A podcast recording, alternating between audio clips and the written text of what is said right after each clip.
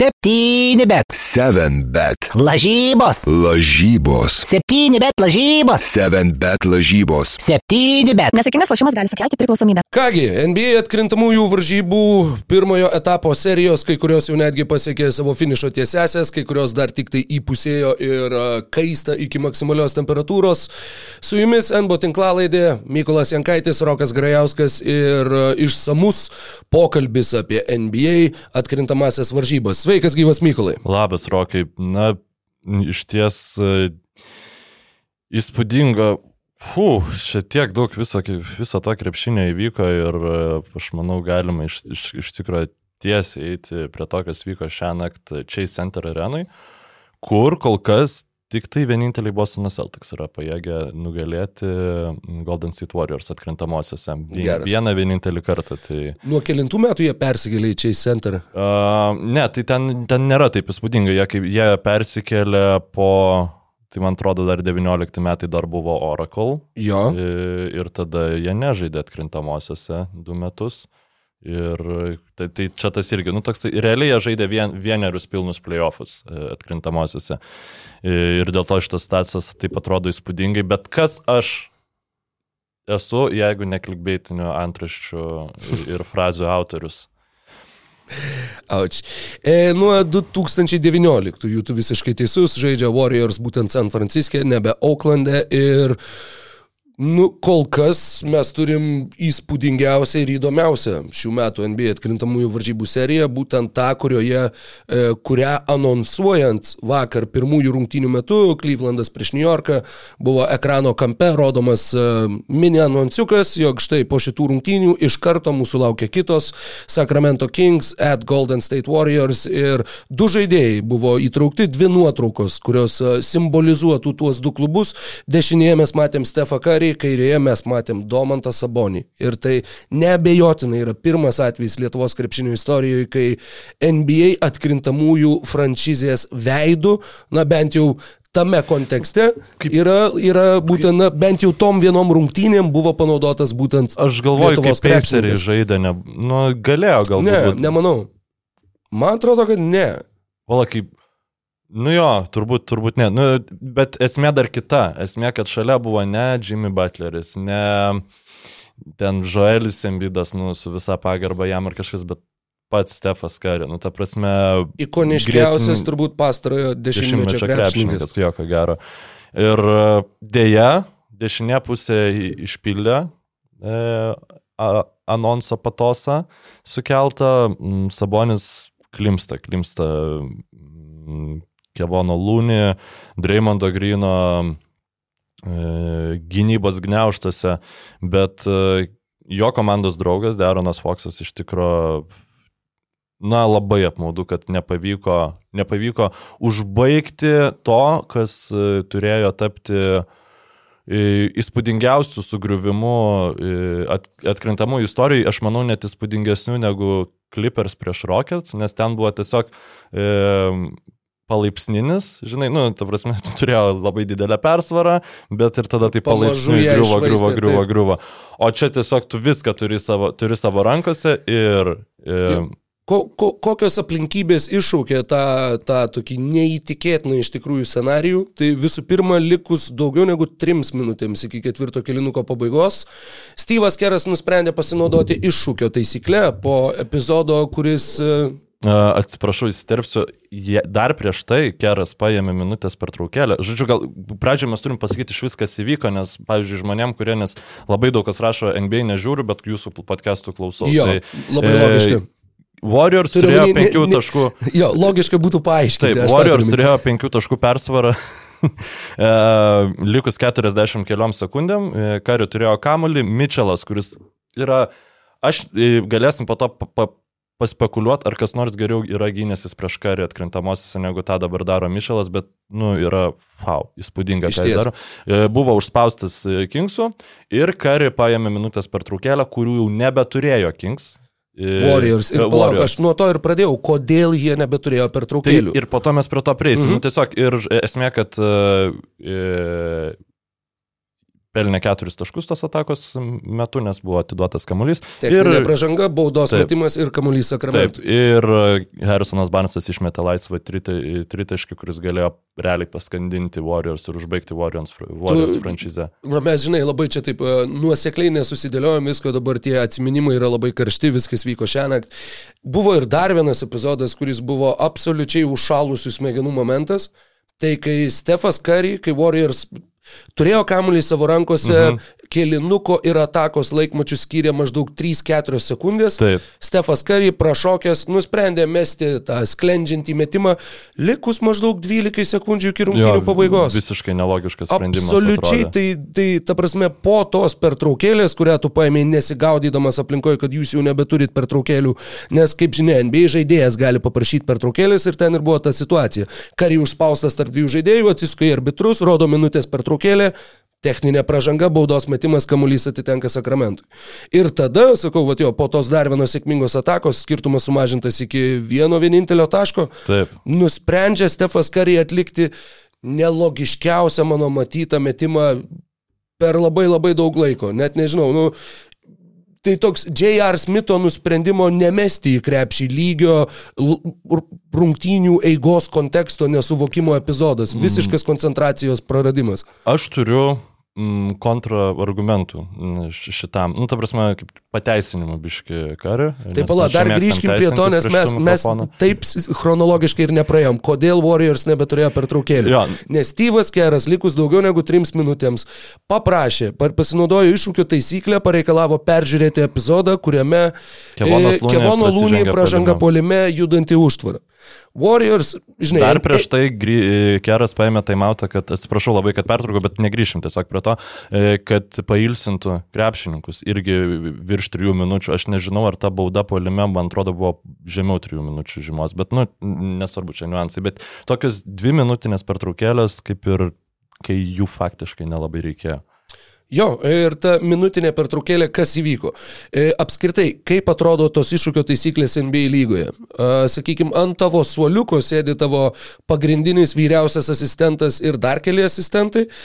Už suoliuko sėdi dar visas burys asistentų, dalis kurių sėdi su planšetėmis, viską žiūri tiesiogiai, aš nežinau ar žiūri tik tai vienu kampu, ar galbūt jiems yra paduodama transliacija iš kelių rakursų, kad jie iš karto galėtų vertinti situaciją, bet iš esmės tai yra žmonės, kurių darbas ir yra iš karto gyvai reaguoti ir pasakyti, mes ne, neimam, nes mes mm, tai nepasiteisins, arba. Taip. mes imam, nes čia suklydo, čia kamuolys turi būti mūsų. E, ta situacija, kurios irgi Lietuvos krepšinio lygoje tu negalėtum pareikalauti tokios peržiūros, bet NBA lygoje tą daryti galima, tai būtent Kevonas Lūnys stato užtvarą ir judanti užtvara, pražanga polime, kamuolys atitenka Kingsam.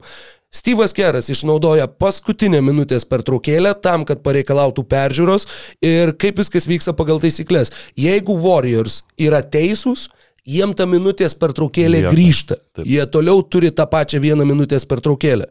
Kadangi jie nebuvo teisūs, peržiūrėjus epizodą iš tikrųjų Lūnys slinko, slinko korpusu. Iš Jo, karto sakė, Jo, Ne, Dreymondas ne. Grinas sakė, kad ne, ne, ne, nes taigi jo, akivaizdžiai, kad paskutinė pertraukėlė, kodėl mes rizikuojame. Parodo, kad šiaip, e, nu, e, aš po antrųjų serijos rungtynių jaučiu labai didelę neapykantą šitam krepšininkui, aš vis dar jo, nu, nepernešu, nes aš palaikau Sabonį tiesiog šitoj serijai. Aš tik dar primenu, jog Dreymondas Grinas sulaužė Jono Valančiūno nykštį ir kaip vėliau paaiškėjo, tai buvo paskutinė, paskutinės Valančiūno rungtynės su Toronto Raptors apranga. Ir apvagė tave iš komandiruotės į Kanadą. Na, čia jau, čia jau asmeniniai dalykai, bet kalbant iš... Trim iš lietuviams sugadino NBA karjeras. nu, nesugadino, sabui nesugadino. E, Nebeteisingai. Taip, tai, bet tiesiog, kad tai yra top, top, top lygio krepšinio vaikų krepšininkas ir jis ten taip, ten labai dažnai pasikaršiuoja, bet net tie pasikaršiavimai, nu, dažnu atveju yra daug labiau apskaičiuoti, ne- negu gali atrodyti. Dėl ko, nu, ve- veltis su grinu į tas emocinės e, žaidinės gali tik tai Aleksėjus Lenas. Um, Dabar dėl tos iššūkio, tai, tai jis Mhm. paėmė tą, iš, nu, žodžiu. Taip, Steve'as Keras pasinaudoja tą Ir teisę. jis, kadangi tai buvo visiems labiau iš ir jie galvojo, nu turbūt ne apie tai, kad čia minutinės pertraukėlė, o kad čia yra iššūkis, Keras neiškomunikavo savo krepšininkams, jis tapo po to sakė po rungtynių, kad mes turim nebeturim taimautų. Jis to nepasakė. Nu, arba Uf. bent jau jis taip teigia tiesiog, kad, nu, kadangi visiems jie laimėjo, nu, Kad čia kaip ir apsaugotų visiem- karį. Kaip ir visiems nesvarbu yra, nu, bet, žinai, čia, nu, spekuliuoti gal nereikia. Nu, keras pasakė, kad neiškomunikavo, nu, tai reikia to tikėti. Ir, o karį dėl to savo metimo, jeigu galime mes, mes Mhm. prie jo eiti. Jau manau, kad, kad taip, jisai taip. aiškino, iš to, kaip jisai kalbėjo, aš kaip suprantu porą niuansų. E, Visų pirma, tai jie buvo turbūt nusiteikę bauduotis prieš sakramentą, nu, ta prasme, neleisti jam mesti iš toli, man tai atrodo, nes jis buvo toksai, nu, tai jeigu aš pataikau, yra plus 3, aš buvau visiškai laisvas, e, Foxas sufailino su perimtų kamoliu, žodžiu, ir aš turėjau, nu, tašį metu tą flauterį, mes laimėm rungtynės ir niekam čia nekyla jokių klausimų. Nu, nepataikiau, žodžiu, geresnio metimo nebūčiau susikūręs, bet taip, nu, ta visa logika, kad, nu, tu turėjai tiesiog mesti uh, vaivorykštės trajektorijos metimą, su, nes buvo keturios sekundės skyrė shot clock mhm. from the game clock, Yes. atsiprašau labai, uh, už um, anglicizmą ir, nu, kad kamuolys, tu išmeti likus keturiom sekundėm, sekundė skrieja iki krepšio, atšoka nuo lanko, dar kol tu atsikovoji Kings kamuolį, klausimas, ar jie jį atsikovos su Kevonu Lūnį ir Dreymondu Grino aikštėje, žodžiu. Ir mm, jis tai padarė anksčiau, jie atsikovojo kamuolį, liko 10 sekundžių ir dar vienas labai svarbus momentas. Mm, Kings, e, nu kaip negaliu sakyti, kad žudė, bet savo labai daug taškų susirinko kontratakose. Taip. Ir Buvo tas jo epizodas irgi vertinamas labai dviejopai. Jie atkovoja kamuolį, Maikas Braunas ima minutės per traukėlę. Kad uh, tikrai skaičiau nuomonių, kur tą akimirką taip nepasirodė, nes, nu, tu pratęs prie europietiško krepšinio, jo, viskas labai logiška, apskaičiuota, kad va taip ir taip. Bet čia yra ta situacija, kur jeigu tu nebūtum ėmęs tos pertraukėlės, ar būtų Warriors įspėję persiorientuoti, kad jiems taigi reikia grįžti į gynybą, tu turi turbūt, nu, nors jis buvo tuo metu pavargęs, sužaidęs 40 minučių, bet tu turi greičiausia lygos greičiausią lygos krepšininką Diaroną Foxą, tu apskritai turi nu, jauną komandą, kuri gali bėgti su Warriorsais, gali bandyti juos aplenkti, gali bandyti versti taškus uh, kitoje aikštės pusėje per tas 10 sekundžių, bet ta pertraukėlė sustabdė žaidimą, sustabdė žaidimo eigą ir galiausiai paskutinė ataka, kas man Aš. Dėl sprendimo Taip. priimti minutinę pertraukėlę, nes paskui apie, dar apie tą ataką atskirai kalbėsim, noriu tik tai pridėti. Um, ką pasakė Braunas, nu, dėl ko jis ėmė tą minutinę. Tai visų pirma, sako, aš žinau, kad jie neišleis labiau gynybinę penketą, nes jie pasitikė savo veteranais ir taip mes matėm paskutinės atakos metu karį aikštėje, ne, nebuvo Peitonas leidžiamas, kuris po lygos dar nelabai atsigavęs. Ir kitas niuansas, ką Braunas, nu, galima skaityti tarp eilučių, kai tu matai, kas vyko rungtynėse, paskutinės trys minutės iš Kingsų buvo, nu, tiesiog momentas, komandai buvo per didelis, jeigu taip e, išvertus, e, ne, nes grabnai tą anglišką posakį. Tiesiog blogi perdavimai, Malikas Mankas e, veržėsi į tris Warriors krepšininkus, visu, visi vienas už kitą geriau ginasi, tikisi išprovokuoti pražangą. Domantas Sabonis turi, nusakykime, metimą, nu, kur atrodo, nu, reguliariam sezone jis užsimerkęs e, ir, ir dar galvodamas apie rytojus pietus įmestų tą metimą iš pakrepšio, gauna per galvą ir bloką nuo Dreymondo Grino, nu ta prasme, perim, praranda kamuolį irgi Sabonis, tiesiog chaosas neveikia. E, kaip e, sėkmingo polimo mechanizmas paskutiniam trim minutėm ir Braunas tiesiog nusprendė, kad, na, aš noriu, kad jie žinotų, kad duodam Foxui kamuolį ir jisai vienas prieš vieną turi žaisti prieš karį.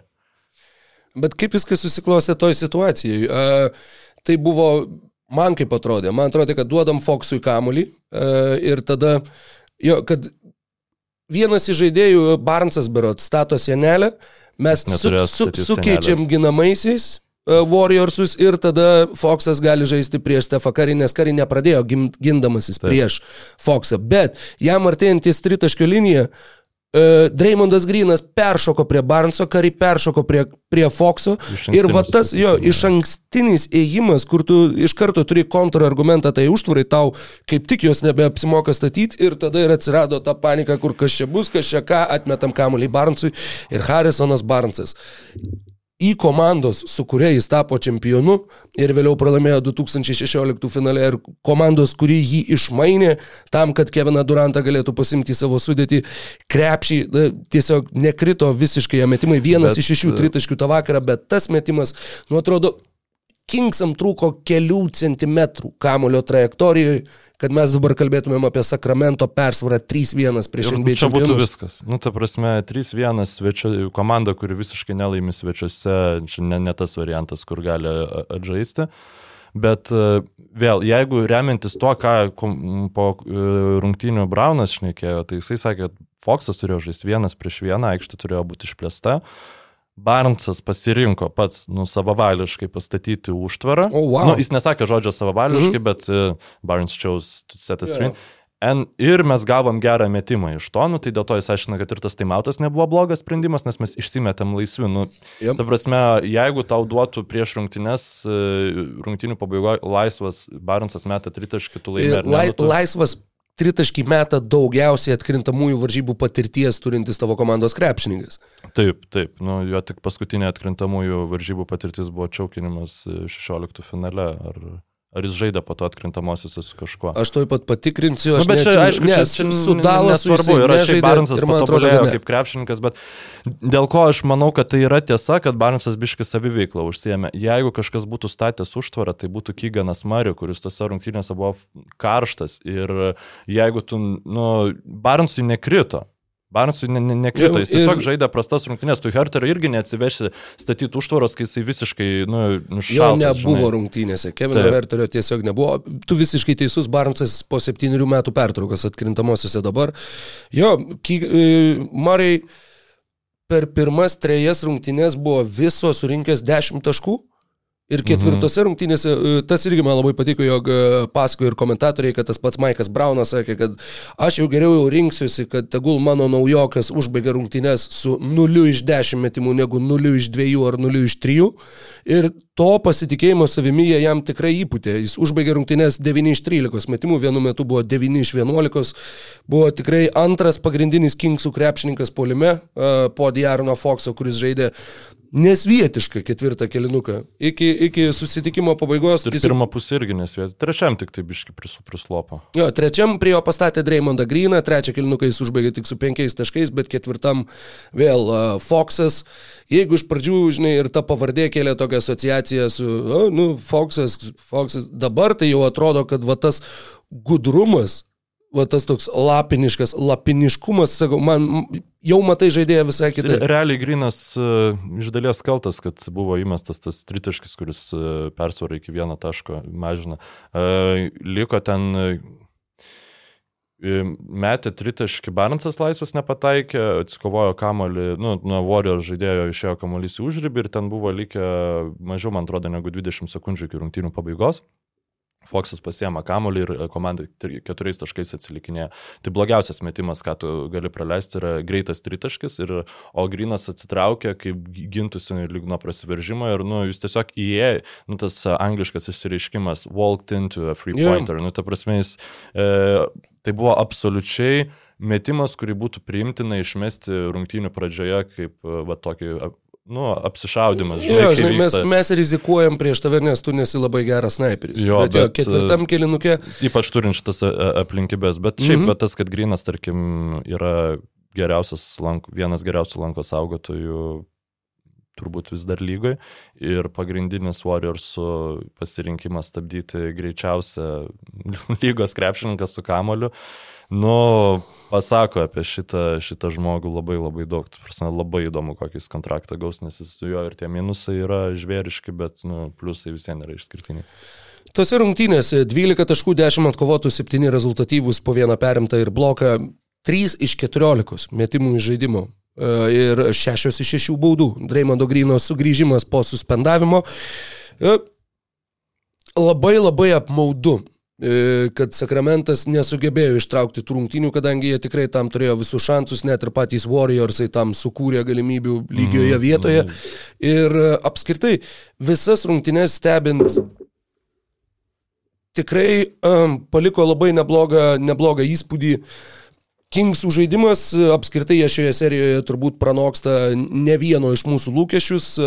Žinoma, po to, kai rezultatas buvo 2-0, atrodė, kad, u, jie pusiaukeliai link, link kito etapo, bet kaip žinia, yra ta taisyklė, jog atkrintamųjų varžybų serija neprasidėjo tol, kol kažkuri komanda nepralošė namuose. E, Hollingeris po, Jonas Hollingeris po pirmų dviejų Kings pergalių sakė, Na, aš pernelyg daug kartų esu matęs tą pasaką, kuomet underdogai laimi pirmas, pirmas dvi rungtynes ir tada nu, nu, nuvaro į svečius ir pasikrauna malkų ir tada tą seriją paleidžia. Tai man atrodo, jis biški kalbėjo ir apie savo patirtį, kai su Grizzliais e, žaidė, nes man atrodo irgi tokių serijų nežaidė, bet nu, kai jo vadovaujami Grizzliai žaidė. Um, ir man atrodo, kad Warriors iš tikrųjų aišku, jiem tu dabar labai įdomu, kaip jie su tą širdgelą sudylins, kad, nu, nu, tu negali negalvot, kad mes buvom va per tiek, kad 3-1 pirmautumėm prieš NBA čempionus. Nu, tada e, mes duokit tuos senelius Lakersus, mes e, padarysim vat, tai, ką Dylanas Bruksas sakė, kad jis padarys. Nu, mes iš tikrųjų padarysim. Nu, ta prasme, duokit mums, ką norit, mes, mes tikrai visus pasidarysim. O da, ir vat, ar, ar jie galės tą mintį padėti šoną ir tiesiog su tuo alkanumu, kurio, kuris buvo pirmose dviejose rungtynėse, su tuo beprotišką dominavimu dėl atšokusių kamolių ir kitų niansų, kurie vat, būtent buvo Golden One Center arenui įkvėpti sirgalių, ką darė Kingsai. Jiems reikia tą susigražinti, nes dabar po krepšiais dominuoja Warriors ir... Lūny. Man atrodo, reikia gal prieiti prie Domanto Sabonio e, šitoj serijai, nes, nu, kažkaip taip, vat... Tr trumpai dar aš dar tik tai paminėsiu, kiek, kiek mes, e, sakykime, šnekėjom apie tai, kiek buvo abejonių. Andrew Bigginsas šitiek laiko nežaidė ir, va, jisai grįž, kaip jisai atrodys statistika apskritai puikiai, bet iškalbingiausia statistika iš vakar rungtynių yra du perimti kamuoliai keturi blokai. Jis nerealus. Tas jo atletiškumas ir būtent tai, kaip jis jį išnaudoja gynyboje, Minnesotoje nebuvo nie kvapo nieko panašaus. Ir matyti šito žaidėjo tokią evoliuciją irgi, na, Jis neveltui ir praeitoje finalo serijoje buvo, sakykime, antras naudingiausias Warriors krepšininkas. Ir tu matai, kaip žaidžia tas krepšininkas ir tu, aš tai tiesiog nesuprantu, kaip čia nėra tas variantas, kai tu gali sakyti, o čia system player. Nu, tu duomenys yra gynyboje fantastinis, e, mobilus, iš vidutinio, ta prasme, iš to m, mm, arčiau krepšio tą šimį su petukais padaro, a, a, atsilošęs gražų metimuką įmeta, nu žinai, 2000-ųjų e, NBA fanas iš karto tai jie toks tas, o, čia kaip gerai, žinai. A, čia nu, Polas Pirsas. Nerealus krepšininkas, tikrai e, nėra komandos, kurios starto penketą jisai nežaistų. Aš, nu, galbūt Milwaukee šitas uh, Bostonas Celtics, bet ir, ir tai, nežinau, nu, ta prasme, ir čia galbūt net per mažas komplimentas jam, nu, ta prasme, tai yra um, įspūdingas vertės krepšininkas, savo mm, tvarkėsi su šeimininiais reikalais, kelias mėnesius grįžta. Pasilgot manęs. Toks e, tikrai, tikrai e, fantastinis. Nu ir minint tuos neapdainuotus herojus, uh apdainuoti tikrai yra tiek Klejus Thompsonas, tiek Jordanas Pūlas, Klejus apskritai vėl, vėl yra Klejus. Kevonas Lūny šitoj serijoje yra dar sėki įrodinėjantis savo vertę būtent atkrintamosiose varžybose Golden State Warriors krepšininkas ir 20 šį, šį vakarą taip pat. 9 jo. rezultatyvus trečiose rungtynėse. Atsiprašau, tiesiog atrodė, kad tu statistikos ieškai. Jo, tai jo, aš, aš, aš, aš kartą norėjau. Šį vakarą 8.14 atkovotų 6 rezultatyvūs perdavimai.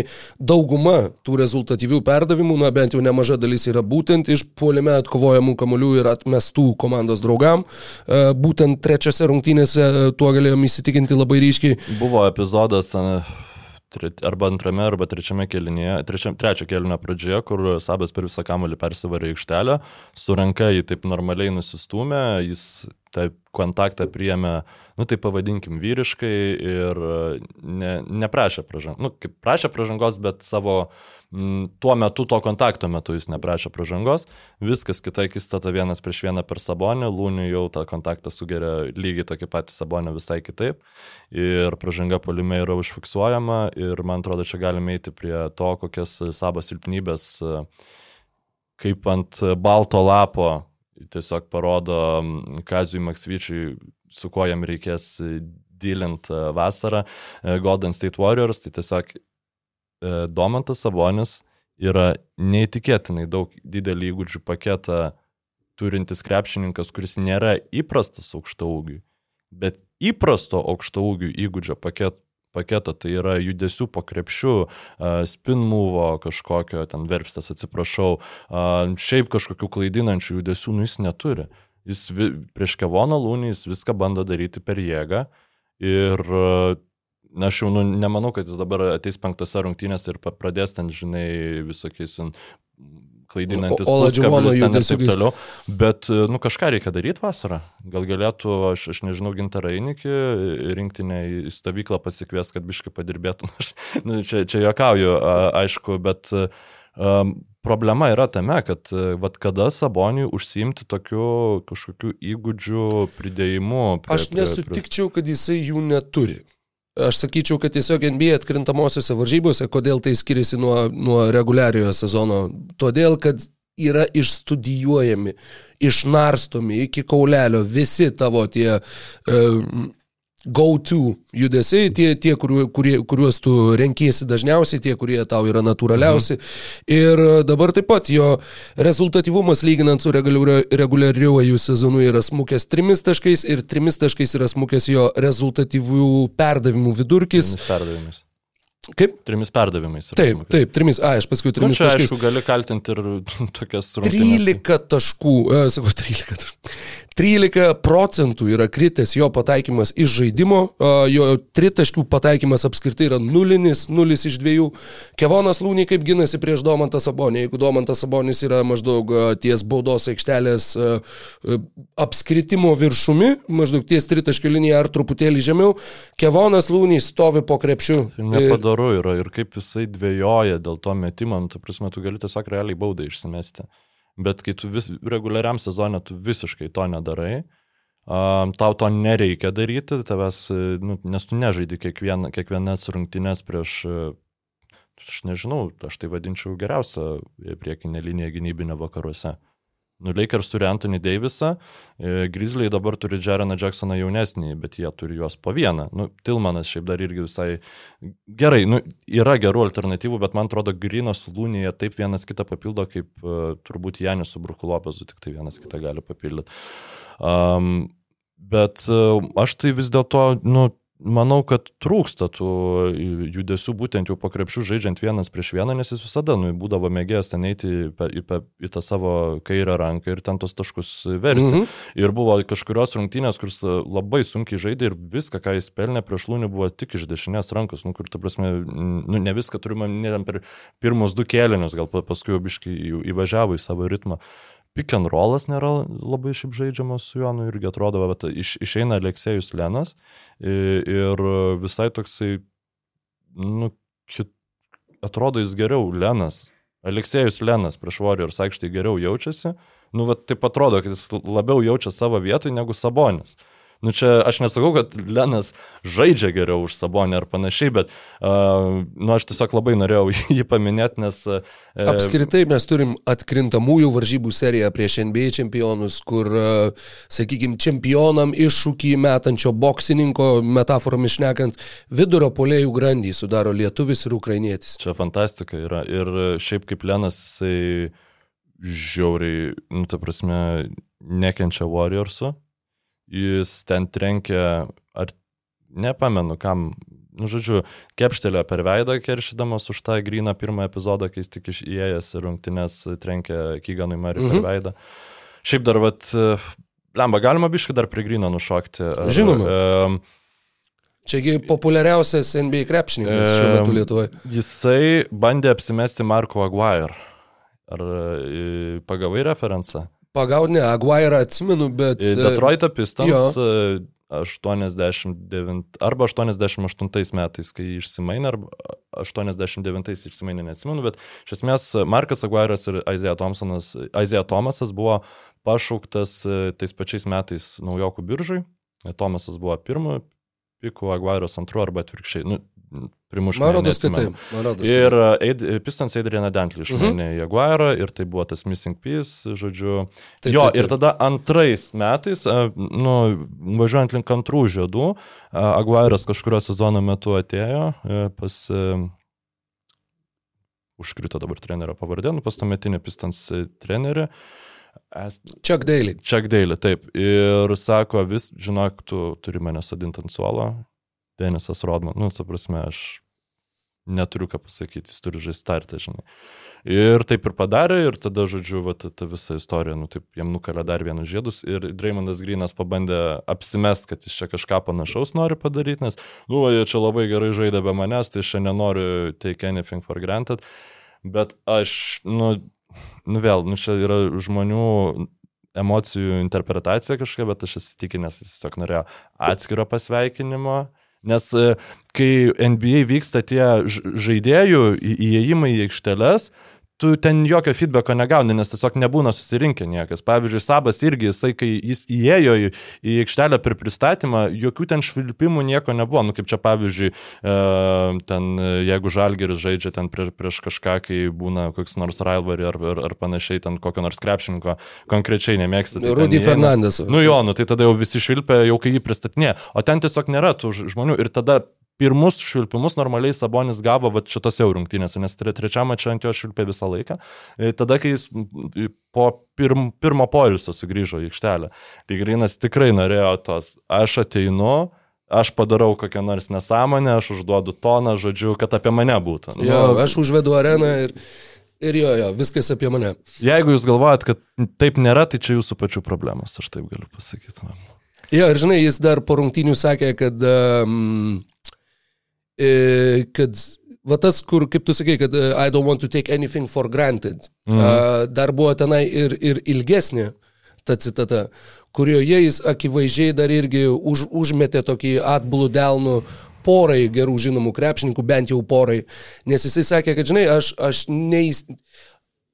Aš neįsivaizduoju, kad aš visą savo karjerą turėčiau žaisti starto penketę, nes aš suprantu, kad aš kažkada būsiu komandai naudingesnis kildamas nuo suolo, o žmonės, kurie to nesuvokia, jiems geruoju NBA lygoje nesibaigia. Supras Karmelo Antonijus, Iš supras Westbrookas. pirmas. Jo, jo, tai, Ruselas Vesbrukas šiaip, e, man atrodo, galim dabar pasakyti ir tiesiog negrįžti prie jo. Jis- Jis susivokė dabar, atrodo, ir atkrintamosiose žaidžia, nu, nerealiai. Nerealiai gerai gynyboje, bet tiek galiu pasakyti apie Ruselą Vesbruką ir, tri, ir gerai tritaškus metą. Nu, čia, čia labai šaunu, iš Ruselą Vesbruko žiūrėsim, kas jo lauks vasarą. E, taip, ką čia dar turim? Ai, nu tai apie Sabonį. Dvi rungtynės, du baudos metimai. Tai čia yra niuansas, kurį aš dar irgi noriu paliesti, kas man, mane kaip žmogų, kuris yra labai suinteresuotas, kad Kings eitų kuo toliau, labai erzina šitas susitaik, susitaikeliškumas e, Sakramento organizacijos, kad jau buvo po antrų rungtynių, Maikas Braunas sakė, viskas mes čia švilpukų negausim. Žinai, Jau jie čia tikrai ne, nepalaikys mūsų teisėjai. Ir visi žaidėjai tą kartuoja, nu mes žinojom, kad čia teisėjai mūsų nepalaikys. Tada šiandien, e, labai atsiprašau, jeigu girdit vibruojantį e, kažką. E, tada šiandien po rungtynių dar labiau buvo tas, kad, nu ir čia buvo teisinga kritika Braunas ir sako, nu mes negalim kiekvieną ataką lipti medį ir paskui melstis, tai maldauti teisėjo pražangų. Aš šitą sutinku. Aš manau, kad tai turėtų būti vidinė komunikacija, vieša komunikacija turėtų būti take that for data. E, Kas nepagauna referenco šito subtilaus, tai David Fi- Fitzdale serijoje prieš San Antonijaus Parskai, komanda turinti Randolfą, turinti Marką Gazolį, ten labai mažai baudų metė. Nu ir, nu tu matai Sabonį, nu taip, praščiau žaidžia, nu bet ten tie nusistumimai į nugarą. Ir tada, supranti, medija pasigauna vieną epizodą, kuriam nesušvilpia pražangos poliume ir suka jį. Visą laiką, kad maždaug Vikingsai gauna e, tas taisyklės, e, nu, palankesnius švilpukus. Atsiminkim komunikaciją po antrųjų rungtynių, kai J.J. Redikas ten e, visą tiradą apie tai, kaip teisėjai kažkodėl padeda Sakramento organizacijai, vos ne kad lyga yra suinteresuota, kad Kings laimėtų, kas yra visiškas absurdas. būtent. Ir tada dar kas buvo, mm, tas Zakas Laup savo podcast'e. E, Warriors organizacija jaučiasi, kad Domantas Sabonis kamoliu naudojasi kaip ginklu. Po krepšiu. Nežinau, gal, gal praleidai šitą, nes buvo tuo metu biški užgošta. E, ten vat visi šitie komentarai. Uh, bet Nu, žiauriai jokinga ir tiek daug gerų memų, nu ten tipo, e, tiesiog Kingsų fanai, nu, siautė, ten. Golden State Warriors, kai Sabonis yra su kamoliu ir tada įmeta tokį memą, kur žmogus ten traukinių staty, statyti, tiesiog, police, police, police, help me, police. Tikrai, nu, taip norėjos, kad uh, nepaveiktų visą tai, bet, žiauriai, nu, man, man atrodo, kad tu turi pastovėti už save ir uh, turi... Kiek kartų Domantas Sabonis atsidūrė ant parketo šitose rungtynėse? Būdamas Daugiau negu verždamasis- metimo linijos. Tikrai taip, tikrai taip, nes nu ten jis buvo nulį, o tokių, kur atsidūrė ant parketo, bent porą tikrai atsimenu ir kažkaip tai atrodo, kad gal netgi ir, ir, ir daugiau. Um, jo, matai, dėl to, ką tu sakei, e, treneriai dviejopai siekia to paties mhm. tikslo. E, Tai yra vienas variantas, yra Davidas Fisdėlas, kur tu rėki ir daužai kumščių stalą, kad kaip, kaip su mumis yra neteisingai elgiamasi. Kitas yra ta tokia dvigubo, dvigubo dugno psichologija, sakyti, kad jo, taip mes taip ir žinojom. Mes, vat, mes žinojom, kad tai bus, kad mums nieko nešvilps. Kad viskas švilps jiem, nieko nešvilps mum. Tai yra irgi, sakykime, spaudimas teisėjim, tik jisai atliekamas truputėlį per kitą pusę. Ir uh, kuris iš tų variantų yra teisingas, Aš pasakyti negaliu, šitose rungtynėse irgi 18 išmetė baudų vieni, 24 kiti. Žinoma, ne tik tai tai nusako, reikia žiūrėti atskirius epizodus, Taip. kaip yra traktuojamas kontaktas vienoje, kaip yra traktuojamas kontaktas kitoje aikštės pusėje, bet uh, Aš galbūt net labiau apie kontaktą kovoje dėl kamolių iš tikrųjų pasakyčiau, negu būtent dėl, dėl, nu buvo irgi keli epizodai, kur aš tikrai norėjau, kad Sabonis stotų prie baudų metimo linijos, bet e, buvo nu, tikrai momentų, kur tas akivaizdus stumimas į nugarą yra ir, nu, toks vaizdas, kad yra kažkokia žinutė siunčiama. Aišku, nu, aš tikrai labai, nu, turiu prisipažinti, žiūriu tas rungtynės kaip sirgalius, ne kaip kažkoks podcasteris ar kažkas, nu, žiauriai noriu, kad e, e, padarytų e, šitą, nu, nestebuklą, bet nu, tiesiog paneigtų tas iš ankstinės prognoz, prognozes, Domantas su Sakramentu. Nu, žiauriai, dabar, dabar iš vis taip norėčiau, kad um, Sakramentas um, Sabonis atrastų, kaip sumes 30 akių šitiem, nu, ta prasme, nu, nu tiesiog taip tavai, nu, parodė, kad, kad tai nėra viskas, kad, nu, negalima tiesiog tai paimti, apsiginti prieš tave, nu, suteik vilties, žinai, jo majo. Tai, tai va, nu, labai kažkaip norėtus, kad e, tie teisėjai ne, nebūtų pa- pagrindinis atskaitos taškas. nu, pirmose rungtynėse 12 taškų, antrose 24, trečiose 15, ketvirtose 14. Domanto Sabonio statistika rezultatyvumas šitoje serijoje. Baudų metimai. Pirmose 12 taškų, 4 baudų metimai, antrose 24 taškai, 12 baudos metimų, trečiose 15 taškų baudos metimai 2, ketvirtose 14 baudos metimų 0. Jo, jo, aš Ta koreliacija yra labai akivaizdi. Taip, taip, nu tai yra krepšininkas, kuris žaidžia po krepšių natūralu, kad jam reikia tų baudos metimų. Turiu čia dar vieną tokį skambę antraštę, bet um, vėl, nu visi žino, kas klauso manęs ir uh, šiaip kas bendrauja su manim, kad aš šiaip apie Sabonį galvoju aukščiausiais įmanomais epitetais. Aš manau, kad tokio krepšininko NBA lygyje Lietuva niekada neturėjo ir kad jis gauna labai per mažai dėmesio, turint omeny, ką jisai daro. Nu, tu prasme, man yra, aš negaliu suvokti, kaip lietuviams e, neįdomu yra Sabonis. Nu, man nuoširdžiai yra e, labai labai keista. E, Saliginai neįdomu. Nu, tu prasme, tikiu, kad yra kam įdomu, bet biški matosi to formulinio žaidėjo pavyzdžio atkrintamosiose. Kas yra formulinis žaidėjas? Mano čia toks įsivaizdavimas yra. Tai yra žaidėjas, kuris turi tam tikrą įgūdžių paketą ir jisai tinka uh, išnaudoti tam tikriem polimo e, judesiam, kurie yra labai, nu, ne judesiam, bet e, deriniam, kurie yra labai efektyvūs ir tu pelnai ten daug, daug visokių taškų. E, tai dažniausia reguliariam sezone tau to užtenka ir tu matai, kaip sėkmingai tiesiog veikia tas visas e, polimas sukonstruotas aplink šitą nu, formulinį krepšininką.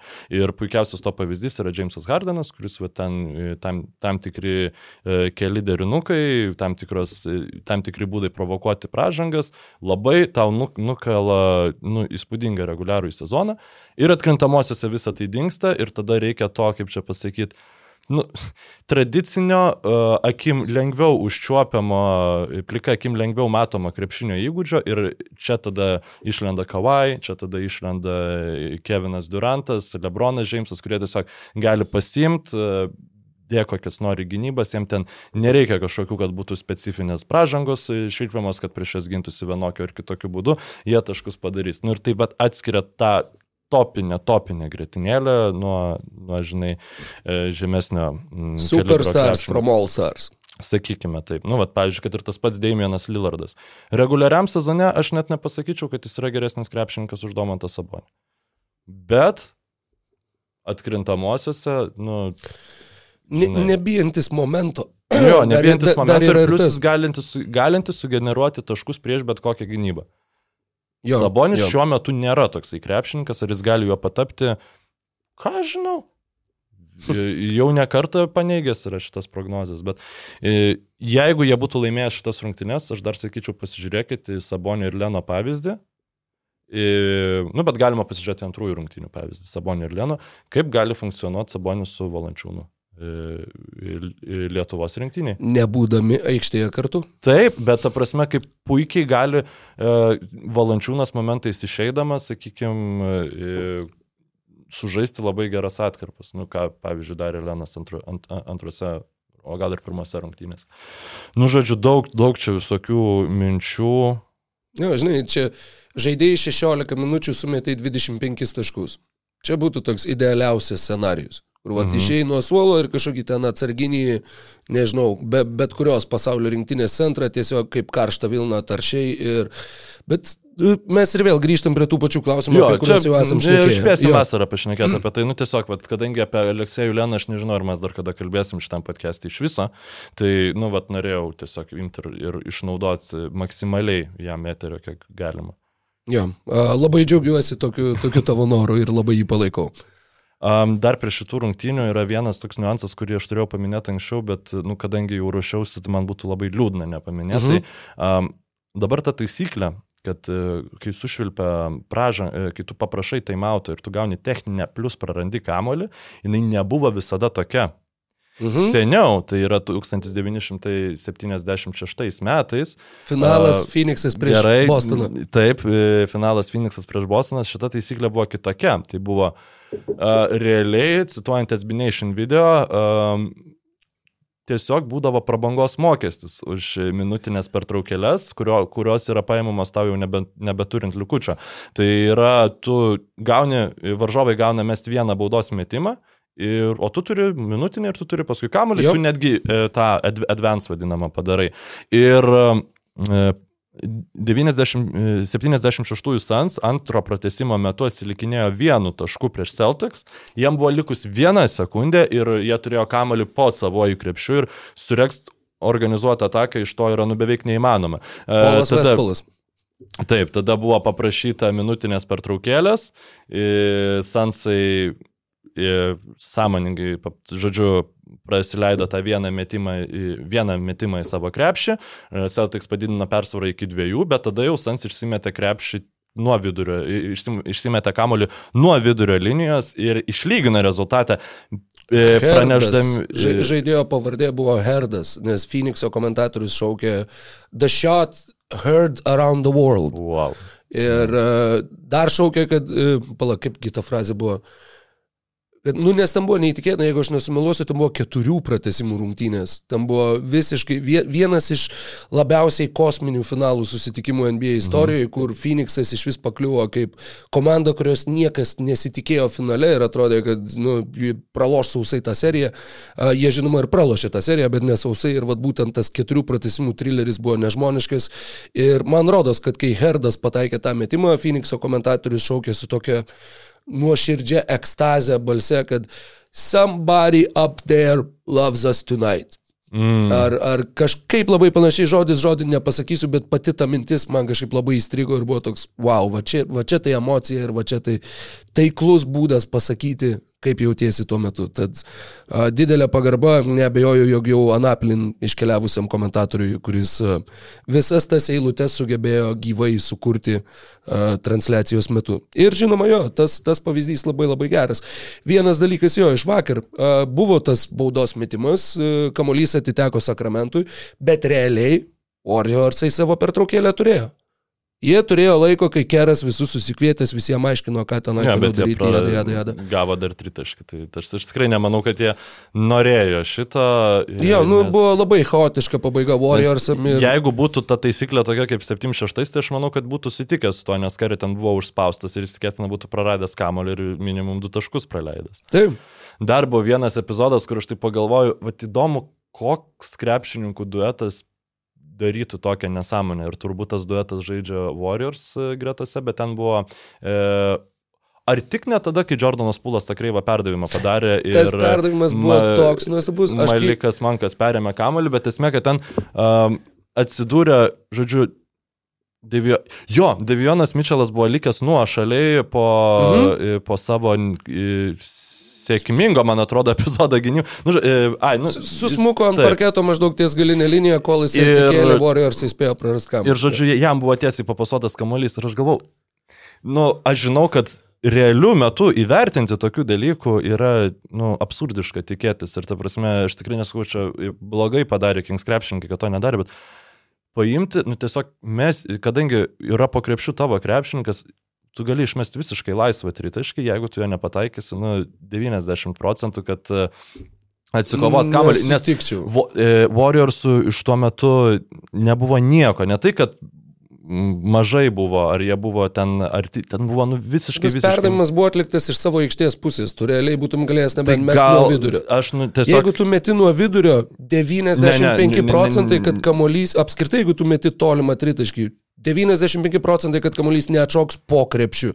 Jis atšoks toli nuo Ne, krepšio, nuo kur vidurio jį tikrai ne. pasitikinės grįžtantys Warriors krepšininkai. Aš galbūt maišau epizodus, galbūt Gal- šneku ne, gal ne, aš maišau, ne žinai. apie šitą. Man atrodo, kad ten buvo perdavimas atliktas link tritaškio ir tada dar vienas buvo tiesiai Mitchellui. at- atliktas. Man atrodo, kad kamuolys buvo iš karto adresuotas Mitchellui, bet ne. Bet, nu ką aš tiesiog norėjau pasakyti, va, esant tokioje situacijoje, kai tu esi dviese uh, varžovo aikštės pusėje, nes nu, bent viena tokia situacija tikrai buvo, uh, vat, mesti tritaškį žinant, kad kamulį atsikovos kolega esantis po krepšiu, jeigu tu būsi netaiklus, tik Warriors galėtų.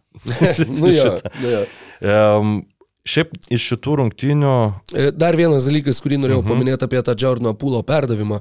Aš ten akimirką galvojau, kad čia kažkoks fanas išbėgo į aikštę, kas čia buvo, o ten pasirodo buvo išbėgęs bičias pavalyti aikštės ir jisai, kai prarado kamuolį Warriors, jisai tokiu greičiu nėrė atgal per šoninę liniją, kad aš nesu matęs greičiau bėgančio aikštę valančio žmogaus aš gyvenime. įsivaizduoju, jeigu tie aikštę valantis žmonės turėtų uh, mūsų, nu, ne mūsų, tai ten basketnius, o, o mūsų tai Lietuvos valytojų mindsetą, nes kiek aš esu susidūręs, tai yra labiausiai entitled žmonės pasaulyje.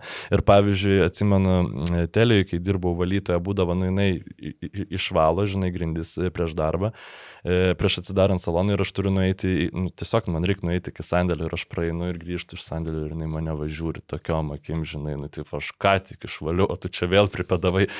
Nu, ir aš įsivaizduoju, bet jeigu tokio požiūrio žmogus, žinai, nu, sako, eik išvalyk prakaito dėmę, eina valyti ir parbėga į tave, nu, praradę kamuolį ir galvo, nesugeba net kamulio normaliai sukontroliuoti durniai, žinai.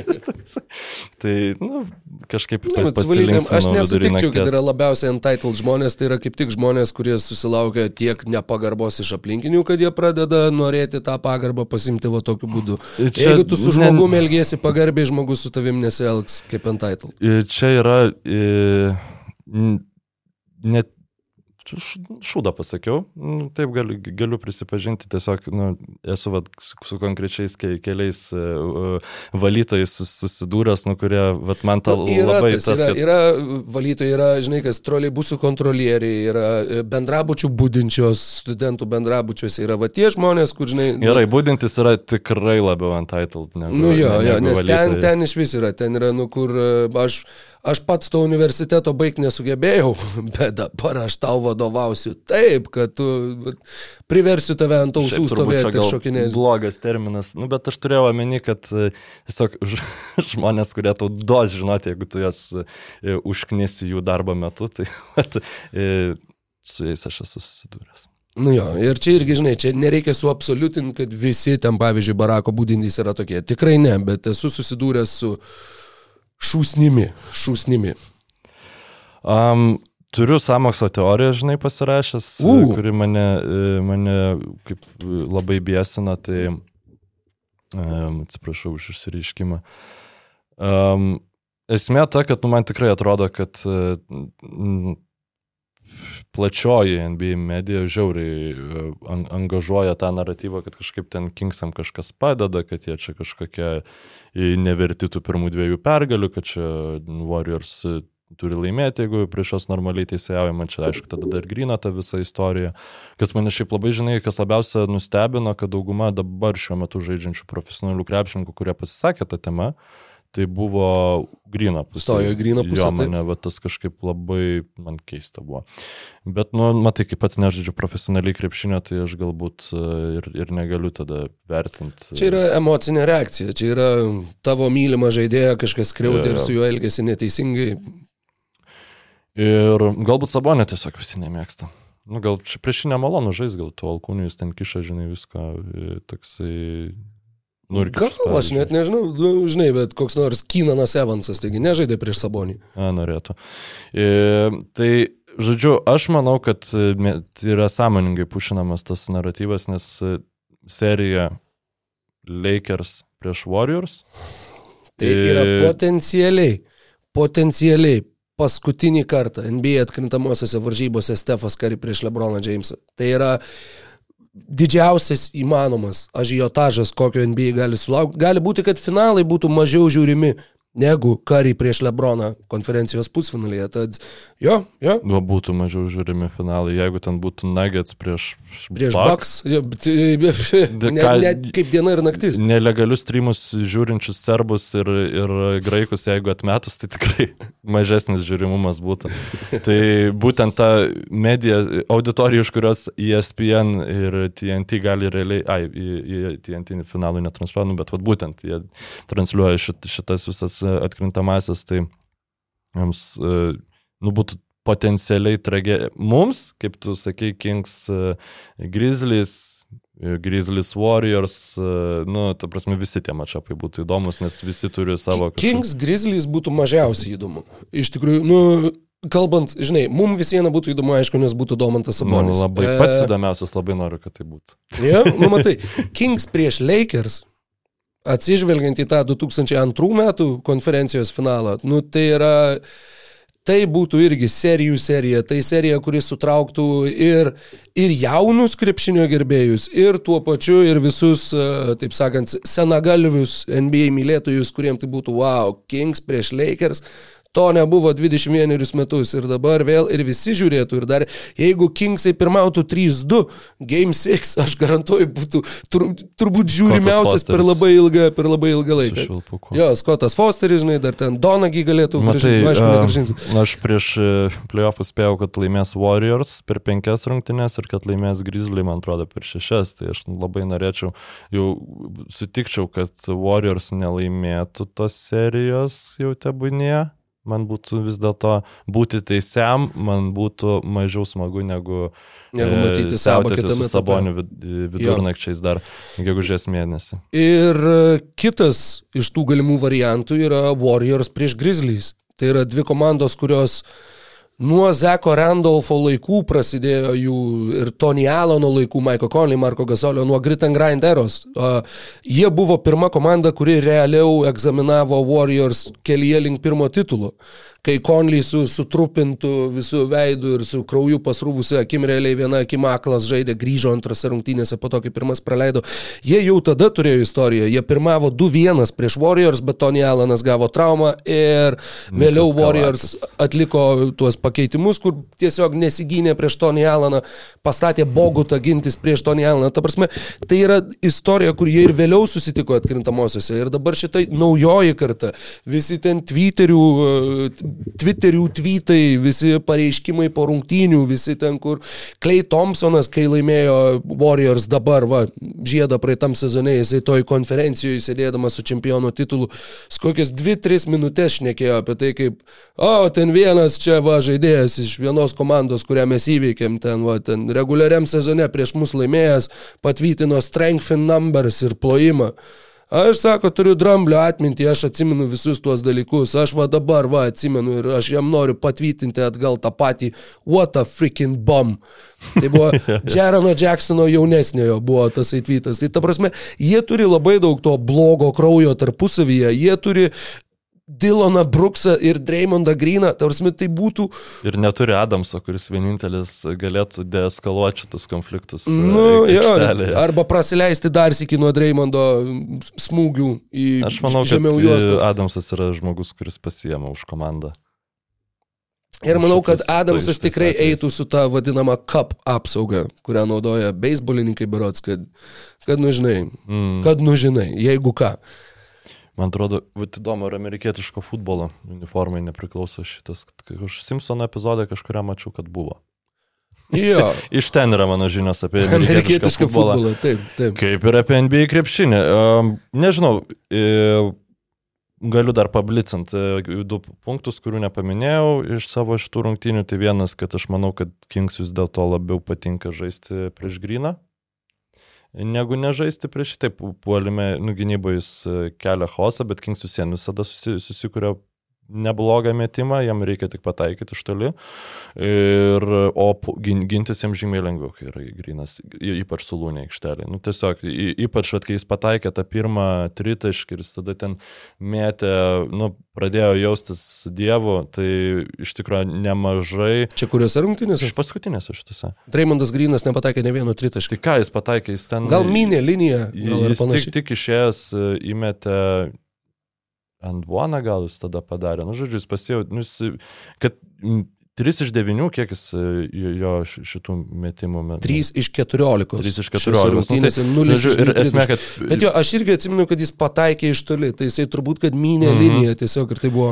Nu ir aš tada dar pasirašiau, kad čia turbūt geriausias dalykas, ką komanda gali. Čia kaip anksčiau buvo Vesbruko ankstyvas tritaškis, jeigu tu žaidži prieš jį, čia yra žiauriai gerai, nes jis tada mėtis vieną po kito.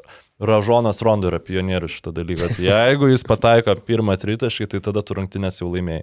Nes nu, tiesiog, tiesiog e, jis tada jau mes kokius šešis, žinai. Tai e, prieš Gryną irgi biškito yra. Aišku, nu, pul- pult labai sunku. Tai čia tokia tiesiog mano sapalio remiantis to, kad trečiose rungtynėse nu, buvo nušluoti Kingsai, bet jie tada e, metė blogiausius turbūt pataik. Blogiau negu kada nors kažkas, kada nors yra metę tritaškus. Jo, ir šiaip tai Em. buvo jų, kaip ten, berots, antros nerezultatyviausios sezono rungtynės, tie 97 taškai e, trečiame mače. Mm. Ir tada turbūt pagrindinis klausimas, Rogi, kurį aš tau norėčiau užduoti, kas laimės? Čia, žinai, Prieš seriją mes šnekėjom, aš taip pagalvojęs, pagalvojęs, kaip ir sakiau, kad jo, aš matau, kad ir Warriors laiminčių sausai ir kad jo, prieš seriją aš sakiau Kings in 7. Nu tai turbūt jeigu laimės, tai tik in 7. Sunku įsivaizduoti kažkaip juos. In čia- 6, jeigu jie laimėtų penktas rungtynes, Nu jo, kodėl? galbūt, bet realistiškiau turbūt visiena yra jo Golden State Warriors, na ta patirtis atkrintamųjų, tasai suvokimas, tasai spaudimo, kaip ir nejautimas, bet tuo pačiu šitos rungtynės parodė, kad tai gali visiškai nieko nereikšti ir net labiausiai patyrusios komandos gali pjaut grybą susitikimo pabaigoje. Aš manau, kad jie išgyveno šitas rungtynės, tas, kurios galėjo nulemti serijos baigti. Frančizės baigti. Jo, nu, franšizės galbūt ne, bet, bet e, galbūt kažkiek vis viena būtų keitų, pasikeitusi ta sudėtis. Bet, um, sakau, realistiškiau šiai dienai yra matyti Warriors pergalę, bet aš, ką aš sakiau prieš seriją, aš tą sakysiu ir dabar mano širdis, ne mano protas, mano širdis krypsta ten. Kings in 7. Nu tai tegul tavo širdis būna teisi, aš tiesiog nu, matau va tą vaizdą, kur Sabonis stovi, O, Jėzu, net krūptelėjau. Į sveikatą gydyti. kiek laiko bandai laikytis. Why, why should I care? Būta. Oi. Tai. im, Jo, aš tiesiog matau tą vaizdą, kur Sabonis stovi šiek tiek aukščiau negu baudo, baudos metimo linija, aplink jį yra Saharos dykuma ir tada jis laukia, kol kažkas ateis, kad galėtų sužaisti handoffą ir man tas kiekviena ta taka atrodo nu, tokia skausminga ir aš e, atrodo, kad va, tas sklandus Kings puolimas, kuris iš esmės kaip ir buvo sklandus, nu, beveik visą laiką, išskyrus tose trečiose rungtynėse, kada jis buvo nesklandus dėl to, kad nieks metimų nepataikė e, laisvi. Bet man vis vien atrodo, kad nu, Warriors turi daugiau atsakymų negu Kings. Ir, bet aišku, dabar grįšiu į Golden One Center ir nu, reikia pamatyti tą žvėrišką nusiteikimą, kitaip nieko nebus. Apskritai Sabonis šiame reguliariajame sezone išmetė po 1,1 tritaškio per rungtynės ir pataikė 37 procentus. Tad, e, žinai, taip, tai yra tas žmogus, kuris prie tritaškio ir būdamas laisvas, jisai pirmą pasižiūrės, nu jeigu nieko nėra, tada jisai mesdavo reguliariam. Dabar šitoje serijoje, nu, Warriorsai tuo naudojasi labai, labai, labai aštriai ir sakau, tik du išmesti metimai per ketverias rungtynes. Nu, klausimas, ar aš norėčiau, žinai, kaip Maikas Braunas sakė apie Kyganą Marį, kad jau geriau tegul būna 0 iš 10 negu 0 iš 2. Nu, aš nežinau, ar aš norėčiau, kad Sabonis išmestų 10 tritaškų. O bet- 10 iš baudų metimo laisvų. laisvų Nuo baudų metimo nuo- linijos, bet iš žaidimo Taip. dviejų taškų vertės. Jo. Nu, nes man, Jo. man atrodo, man atrodo, nu jisai ši, šitokius metimus jis gali tiesiog nueiti ir pasiimti. Nes net ir tada, kai jis nestovi laisvas prie baudos metimo linijos, jis gali nueiti iki ten ir išmesti laisvą, uh, uh, laisvą metimą, norėjau sakyti, tritaškį. Bet metimą tiesiog. Ir tada jau jeigu tu bent jau būtum priverstas reaguoti, kad tave ateitų pastik prie baudų metimo linijos, kaip kokiais 80-aisiais, supranti, tai tu tada jau gali savo krepšinio aukštų intelektų bei greičiu ir nu, va, tuo įgūdžių paketu, kuris yra labiau būdingas tam tikrais atvejais perimetro krepšininkams, a, pasinaudodamas pelnyti taškus ir išprovokuotos baudų met, metimus, kurių taip trūksta. Tai yra labai įdomu. Spėčiau, kad Braunas rotacijų nieko nekeis, bet e, dar ne. Dar ne, jeigu kažką keisti šeštose rungtynėse. Bet aš turiu tokį, o vat jeigu tiesiog su Lenu ir Saboniu pabandžius pažaisti. Prieš Griną ir Lūnį. O, bet, bet, nes polime visiems kažkaip tas Naudoti- foksas tos metimus. Tu nori naudoti abu kozerinius tūzus? Tiesiog aš, aš manau, kad, e, bas, kad galėčiau, galėtumėm paskui sakyti, kad va, tai jeigu su, sabo, su Lenu jisai gali žaisti gal ir su Valančiūnu. Nu, ir tiesiog, kad mes turinio turėtumėm, supranti, vasarai. Tai, tai va, šiaip tai išvarės, va, dar ta- tas įdomu, kad visiškai nes, nebandė nuvyt Leną nuo aikštės, nors jį Braunas stengiasi leisti beveik išimtinai, kai kariai ilsisi, bet e, tada Keras kaip ir jau to pradėjo išvenginėti, bet visiems, kad atakuotų sistemingai grinant pick and rollo to nėra. Tai aš manau, kad šito galim pamatyti daugiau. Bet labai, labai sva- svarbus dalykas, kurį norėjau paminėti prieš uždarant šitą temą. 7 bet. 7 bet. Lažybos. Lažybos. 7 bet lažybos. 7 bet lažybos. 7 bet. Nesėkmingas lošimas gali sukelti priklausomybę. Na kągi, Mykolai, mums liko turbūt sunkiausia, kaip čia pasakius, kaip ir nepereinant prie kitos temos, kaip ir liekant prie tos pačios temos e, Sacramento Kings prieš Golden State Warriors, bet e, liko man nuoširdžiai neabejotinai sunkiausia tema, kokią mes esam lietę savo pokalbiuose, sunkiausia tema apskritai kurie tenka šnekėti viešai dėl, dėl visų aplinkybių, dėl daugybės aplinkybių, kurios tai nulėmė. Ir e, tai yra iš esmės e, pokalbis apie tai, kodėl, kodėl praėjusią savaitę NBO epizodo nebuvo. Jo, nu aš nežinau dėl sunkiausio, aš dabar taip, e, aišku, čia ne- nesilyginami dalykai, bet atsimenu, kai mes tik pradėjome NB įrašinėti, Bryantas žuvo ir tada aš, nu, jaučiausi, kad, nu, ta prasme, labai blogai už mikrofoną jaučiausi, nes jaučiausi, kad visiškai neturiu ką pasakyti ir, nu, tu tada ten labai gražiai viską apkalbėjai ir man tai tada buvo labai sunku. E, tada nežinojau, ką pasakyti, tada nežinojau, nežinojau, nu, kaip čia viskas turi skambėti, dabar yra viskas pakankamai aišku, tik tai yra, yra gaila, kad taip iš vis turėjo būti, nu tai dėl ko nebuvo. Nebuvo NBO podcast'o dėl to, kad e, buvo, nu, nes, nesuprasta truputį tiesiog tai, kas įvyko kelios dienas prieš NBO, kada turėjo būti rašytas mūsų Jo, ir kažkaip tai, podcast'as. žinai, labai, labai sunku ir dėl to, kad tai yra labai opi tema. a, Labai sunku yra tai, kad tą temą kaip tik bandoma paversti kažkuo, kas, kas čia, čiagi nieko tokio labai didelio neįvyko. Labai sunku šnekėti apie tai dėl to, kad tai liečia vieną iš mūsų kolegų. Tavo šioje vietoje, mano dviejose darbovietėse. Ir, žinai, labai norisi kuo labiau atsiriboti nuo emocijų ir tiesiog pakalbėti apie tai, kaip šita situacija eskalavosi, kaip jinai eskaluojasi toliau ir kodėl, nežinau, mūsų akimis a, visa tai yra, na, tiesiog siaubinga istorija.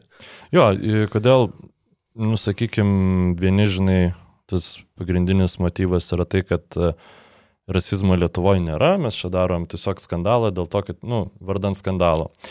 Tai, nu, aš kitaip, žinai, žiūriu į, į šitą problematiką, bet aš galbūt pradėsiu galbiškai nuo, nuo, nuo kitos pusės, kas man buvo skaudžiausia, kad aš pamačiau, nu, tą, vat, e, Nu ir dėl ko va, tas pa- pagrindinė kaip ir problema buvo, kad šitas skandalas jisai ir, ir ką aš džiaugiuosi, kad Jonas ir e, basketinius kiti žmonės, nu, kaip čia pasakyti, suprato tos savaitės bėgėje, kad, nu, žiauriai negerai yra tai, kad tas visas išstojimas, jisai tiesiog leido pasijausti tiem krepšinį mėgstantį ra- ra- ra- rasistam, tokiem kaip ir teisiem ir e, tą visą žodžiu, neapykantą, o gal net ne neapykantą, galbūt tiesiog norą, vat, paprikolinti, pasijausti kažkokiu geresniu ir panašiai, nu, va, tą kaip ir legitimizuoti, žodžiu, nes čia, va, šita problema kaip ir ne pas mus yra, ten jiem Amerikoje gal ir yra, o pas mus, nu, žodžiu, va, visi šitie dalykai. Čia yra daug. jo. Ir man, man asmeniškai šitas buvo, kad blemba, nu čia yra mano svajonė, kur turinį apie krepšinį, nu kaž, kažkokia tai svajonė, iš to dar gauti pinigus kažkokius irgi, nu, yra žiauriai gerai. Ir tada galvoju, ar čia tikrai yra tas atspindys tos visuomenės, e, kuriai aš kuriu šitą turinį? Ar tai tikrai yra žmonės, šitaip mąstantys žmonės yra tie, dėl kurių aš stengiuosi galvoti, kaip čia įdomiau kažką pasakyti ir, ir panašiai. Tai va, šitas buvo toksai, nu, tipo, aš e, kiteliai dirbau ir man reikėdavo, supranti, nu, patilėt tam, kad aš ten parduočiau telefoną, kad pakelčiau klientui planą, ar panašiai, kai tu girdi ar homofobišką kažkokį bairį, ar kažkokį rasistinį bairį. Nu, arba aš dažniausiai ne, nesirinkdavos nepatilėt, bet pasakyti kažką taip, kad tas žmogus nesuprastų, bet aš jaučiausi gerai, kad pakankamai, uh, pakankamai, nu, žodžiu, sudirbau toj situacijai. Nors, nu, iš tikrųjų, tu visieną, tu, tu neini į, į aktyvę ten kažkokią konfrontaciją. Nu, dažniausiai tai ten, aišku, buvo dėl kitų vertybinių klausimų, tai dėl kalbėjimo visokio rusiškai ir taip toliau. Bet esmė, kad tu turėdavai eiti kompromisu su savo vertybėm, nu, pastoviai tam Jo. darbė. Ir aš taip kažkaip išėjau iš ten ir ne dėl, ne dėl to pabrėšiu išėjau, o tiesiog dėl, dėl kitų priežasčių gavau pasiūlymą kitur. Ir, o, kaip faina, kad to nereikia daryti. Ir tada fuck, reikėtų ir tu tą darai pastoviai, žinai, nu, tipo, nes tu, e, vat, štai šitai auditorijai, nu, kuri turinį, tai, e, nu, va čia man buvo labai, labai kažkaip liūdna. Jo, tai va tas uh, vienas dalykas, na, pora dalykų, kuriuos reikia pasakyti. Uh, visų pirma, uh, iš, iš asmeninės pusės, uh, nežinau, gal, gal yra žmonių, kuriems bus sunku tuo patikėti, bet, nu, aš nuoširdžiai myliu Karolį Tiškevičių ir aš jam nelinkiu nieko blogo. Ir aš jį myliu lygiai taip pat, nežinau, kaip Vaida Čiaponį, ar Benediktą Petku, ar Vilhelmą Bladyką, ar, nežinau, visus žmonės, su kuriais man yra tekę dirbti, leisti laiką ir um, išgyventi, turėti kažkokių bendrų atminimų ir kitų dalykų. Antras dalykas, aš labai labai džiaugiuosi tuo, kad Basket News uh, sureagavo į tai, ką mes bandėm pasakyti, uh, kad, žinai, kaip ir tu minėjai kažkada, kad netaip ir dažnai pasitaiko dirbti darbovietėje, kur, sakykime, vadovaujantis personalas kuris turi kitokią nuomonę negu tavo, išgirstų tą tavo nuomonę, kur tu galėtum jos nenutilėti, kur tu galėtum ją išsakyti ir dar negana to į ją būtų atsižvelgta. Tai Jo, jo, čia tai yra čia labai labai svarbu. svarbus dalykas ir labai labai didelė pagarba ir um, labai labai iš ties jaučiamės, manau, kad abu labai maloniai. Nu kaip maloniai. Jaučiamės Nu, gerai dėl to, dėl to, kad buvo sureaguota, galiausiai buvo sureaguota, buvo uh, bandoma taisyti tą situaciją. E, kalbant apie pačią visą situaciją, aš norėčiau pradėti nuo vieno uh, kreipimosi į visus mūsų klausytojus ar žiūrovus. Aš norėčiau paprašyti, kad visi, nežinau, ar žiūrit YouTube įrašą, ar klausot mašinoje, ar klausot sporto salėje, pagalvotumėt ir savo atsakytumėt ir pakeltumėt ranką visi tie, kurie savo gyvenime nesat turėję nei vienos rasistiškos minties.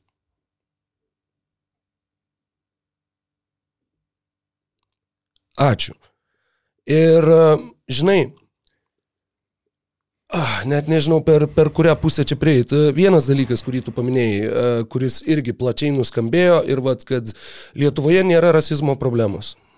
Nu, vat, ne, taigi nėra. Kokia čia problema? Čiagi nieko nėra.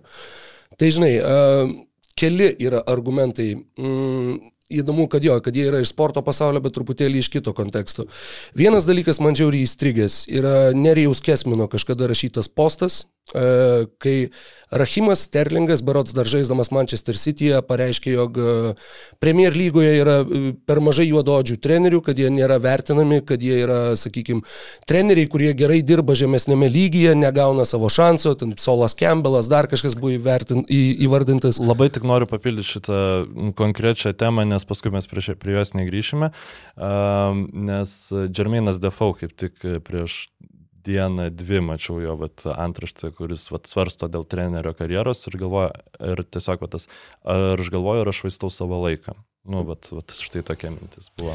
Tai va, tai žodžiu, Nerijaus Kesmino postas buvo, e, jis prasidėjo maždaug, kodėl vakarykštėse rungtynėse, kodėl komentuodamas rungtynės, e, aš septintąjį Manchester City klubo numerį vadinau numeriu ir niekada neištariau jo vardo ir pavardės. Ir visas postas apie tai, kaip Nerijus Kesminas nesutinka su tuo, kad, sakykime, kad tai yra kažkoks rasinis nusistatymas, kad tie minėti treneriai, jie tiesiog nėra pakankamai geri treneriai, kad dirbtų e, Anglijos Premier lygoje, jie nerodo pakankamai gerų rezultatų, jie nėra įrodę, kad yra verti tokio šanso. Ir visa tai buvo parašyta ir toliau, neminint Rahimo Sterlingo vardo ir pavardės. Ir su tokia pozicija, kur, nu, lyg Rahimas Sterlingas būtų bandęs e, užvaldyti magijos ministeriją ir išžudyti pusę burtininkų pasaulio. Dabar, tai jau yra labai labai toks didelis ženklas, kur, nu, tu to nepasakysi, neturėdamas pat savo kažkokių įsitikinimų. E, Papildymas iš karto. Sykį komentavau futbolo rungtynės su vienu kitu komentatorium ir prieš rungtynės, abi rinktinės, e, tai buvo tarptautinis čempionatas, priklaupė ant vieno kelio. Ir aš komentuodamas sakiau, kad štai tai yra e, simbolis, tai yra gestas, kuriuo rinktinės rodo, kad jos pasisako už kovą prieš rasizmą, kad rasizmo neturi likti futbole.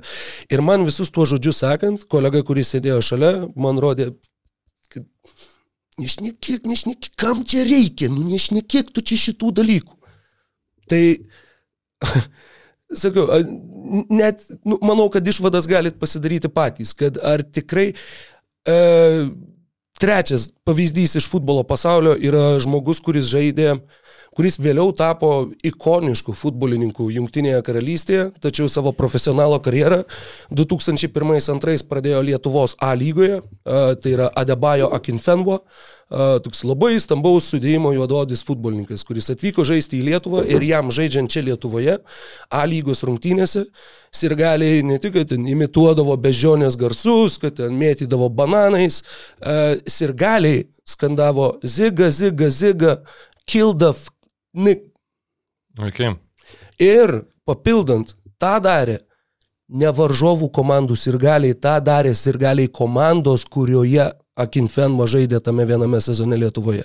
Žmogus dar ir dabar vaikšto po įvairias tinklalaidės, pasakoja tą savo patirtis. Ta istorija yra labai plačiai žinoma Junktinės karalystės futbolo kontekste ir, sakykime, mes jau turim tą etiketę, kad pas mus tokie dalykai, na bent jau prieš 20 metų vyko, vyko plačiai ir Aš net nemanau, kad, pavyzdžiui, tas klubas ten gavo kažkokių baudų nuo lygos. Gal ir gavo, aš neatsimenu, negaliu sakyti, bet... Um, tiesiog, nu, iškart, žinau, ką galvo žmonės klausydami dabar, bet tavo būtent šitą pavyzdį, kad tai buvo prieš 20 metų, prieš 20 metų ir kit, nu, į kitas mažumas buvo žiūrima žymiai skep, skep, nu, ne tai, kad skeptiškiau, nu, ta prasme, neapykanta šiaip įvairiom mažumom buvo kur kas gajesnė, bent jau viešoje erdvėje. Nu, bet aišku, dabar tie žmonės, kurie prieš 20 metų ten skandavo visą tai, jie turi savo vaikų. Ir nu, galvot, kad tiesiog tai, kad viešoje erdvėje tas visą tai yra užspausta, nes nu, dabar tu to neišgirsi futbolo rungtynėse. Nu, Žinok, aš manau, kad mažesnių miestelių, ten žemesnių lygų rungtynėse, e, man atrodo, kad yra tekę girdėti, kad panašių pavyzdžių vis dar galima pamatyti, vis dar galima išgirsti. Mm. Stadionuose, kur tos rungtynės, žinai, nėra transliuojamos apskritai niekur ir tai tiesiog taip ir nueina kaip a, tokia m, žodinė informacija iš lūpų į lūpas. Nu, aš kadangi matai to nesu tiesiog girdėjęs, e, tai kažkaip manau, kad nu, vis vienu jau viešoje erdvėje bent jau yra pasiekta tai, kad yra sugeba Norėjau sakyti, sugeba žmonės suvokti, kokių, nu, bent jau įžeidimų nepridara vartoti, bet nu, ne, nebūtinai visada. Nebūtinai visada. Tai... Ir žinai, pratesiant tą mintį, mm, tai va jo, sakykime, mes, va, tai yra viena iš tų išvadų, kurias tūlas lietuvis gali pasidaryti po viso šitos istorijos. Lietuvoje nėra rasizmo problemos. Nes, ta prasme, tai nuskambėjo ne kartą, tai buvo iš esmės akcentuojama, tai buvo galiausiai ir pateikta kaip išvada, kad ne, viskas taigi gerai. Ko mes čia dabar pergyvenam? Nors iš tikrųjų mes su ta rasizmo problema darom tą, ką Nerijus Kesminas darė su Rahimu Sterlingu. Mes tiesiog apie ją nekalbam, tas rasizmas lieka virtuvėse, prie butelio, kompanijose, anegdotuose, bairiuose ir lygiai taip pat pakelkite ranką tas, kas niekada gyvenime nesat nusijuokę iš ne vieno rasistinio bairio. Jo, ir čia, jeigu žmonės galvoja, kad mes išliksim tokia homogeniška visuomenė, kuri niekada ne, neturės, sakykime, dylinti su uh, rasinių ir kitų kultūrinių skirtumų visuomenėje keliamais iššūkiais. Tai nu, man atrodo, kad jūs klystate, bet aš tikiu, kad žmonės, kurie vat, būtent garsiau reiškia savo rasistinę nuomonę, jie tikisi, kad mes visada gyvensim homogeniškai Lietuvoje, kurioje dominuoja e, grinai lietuviai ir, nu, vat, su visu to, tuo dylinti nereikės. Nu, aš manau, kad e, to tikėti to nebus ir aš tai net nenorėčiau, kad tai būtų man smagu, yra kitos kultūros ir jos praturtina uh, mūsų gyvenimą, man taip atrodo. Ir um, tiesiog vat, toleravimas visų šitų dalykų, tų tokių vat, pasakymų, negalvojimo apie tai, kaip tai skamba e, kitur. E, nu, nu, taip, taip negali būti tiesiog. Ir... Ne, tik, ne tik kaip tai skamba kitur. Iš esmės, tai ir pas mus turi skambėti taip pat. Jo, jo, jo. Taip. Yra ta mintis, Lietuvoje, taigi čia viskas gerai, čiagi taip galima sakyti. Čia, čia yra problema, supranta. kad Lietuvoje yra viskas gerai. O Amerikoje taip negalima, va čia Amerikoje taip negalima. Kiek buvo komentarų apie tai, kad va čia jie dabar atsiprašinėja, nes čia Amerika pinigus moka jiems ir todėl va jie, žinai, atsiprašinėja už tai, kas nutiko. Klausyk, rasizmo sporte problema apskritai 90 procentų atvejų yra kas? Yra tie patys beždžionių garsai tribūnose, bananų mėtymai. Ir tai vyksta Italijoje, pažiūrėk į Romos Lacijo, į Kalierį fanus, kurių visa, visa filosofija yra tuo paremta, tai vyksta Graikijoje, tai vyksta Ispanijoje, tai vyksta Prancūzijoje, tai vyksta Vokietijoje, tai vyksta toj pačioj Junktiniai karalystėje, tai vyksta Lenkijoje, tai vyksta Ukrainoje, Baltarusijoje, Rusijoje, Bulgarijoje, dar ir kaip gajai vyksta, tai vyksta ir pas mus tik tai vyksta galbūt mažesnė, ta, sakykime, mažesnių, mažesnių lygmenių ir mes renkamės apie tai nekalbėti ir sakyti, kad ne, ne, čia nieko nėra. Bet lygiai taip pat, manau, ir Latvijai išgirstum, rastum atvejų ir ten Suomijoje, Švedijoje, bet kur. Tai ar tikrai tai yra problema tik tai Amerikoje, ar tikrai tik tai va būtent Amerikoje negalima taip sakyti ir ar tikrai problema čia yra, kas iš pradžių buvo komunikuojama, kad didžiausia bėda yra ne tai, kad tai buvo pasakyta, bet tai, kad kažkas tai tai va perdavė amerikiečiams. Va čia yra blogietis tas kažkas, kas tą perdavė amerikiečiams. Kalbant apie tai, kas tą galėjo perduoti amerikiečiams, sakykime, jeigu pasiektų Basket News informacija, kad tą padarė žmogus, kurį Karolis Tiškevičius savo ilgų nevaldomų liežuvių įžeidė viename iš Basket News podcastų. Tai tu sakytum, aha, tai mūsų įtariamųjų sąrašas trumpėja iki 459 žmonių. Um, nežinau, aš taip kažkaip a, apie, apie šitą, e, e, kad ten būtent problema, kad ten išsiuntė Ameriką ir panašiai, taip, taip ant šito neužskabinau. Aš ką noriu, šiaip iš vis šitą temą daug buvo pakankamai išnekėta ir, kaip čia pasakyti, buvo pašnekėta pakankamai, kad e, būtų galima nu, jau būtų sudėtinga pakeisti požiūrį, tik tai vienas dalykas buvo nepaminėtas. Kalbant apie tas visas auditorijas ir panašiai, nu, kad čia vat, kalbam apie lietuvišką auditoriją, dėl to mes tariamai galim rinktis kažkokią tai leksiką, kuri būtų nedovanotina šnekant amerikietišką auditoriją. Bet tu šnekėjai apie amerikietį krepšininką. Nu, galų gale. Tai, nu, pagal ką yra šita logika, tai jeigu tu šnekėjai apie žmogų, amerikietį ir vartoji e, leksiką, kuri Juododį. žaidžia tą Juododį. juododį. Uh, apie juododį amerikietį ir uh, vartoji leksiką, kuri žaidžia juododį amerikietį, bet sakai, tai lietuviam tai to nepadaro, okei, okay, vien dėl to, kad lietuviai e, bendrai neranda to offensive, tai parodo lietuvių problemas, aš su to sutinku, bet tai kažkaip nelegitimizuoja tavo turinio ir tavo teiginio nepadaro rasistiško. Nu, ta prasme, dar Nepadaro nerasistiškų. Būtent. ir Taip, atsiprašau, ne, jo. nepadaro nerasistiško. Žinai, kas dar rasistiško. nepadaro šito palyginimo nerasistišku? Pasakymas, kad čia nėra jokio rasizmo. Kai tu pats tai pasakei ir tu tada sakai, bet čia nėra jokio rasizmo. Čia yra, jeigu jūs čia išvelgiate rasizmą, čia yra jūsų problema.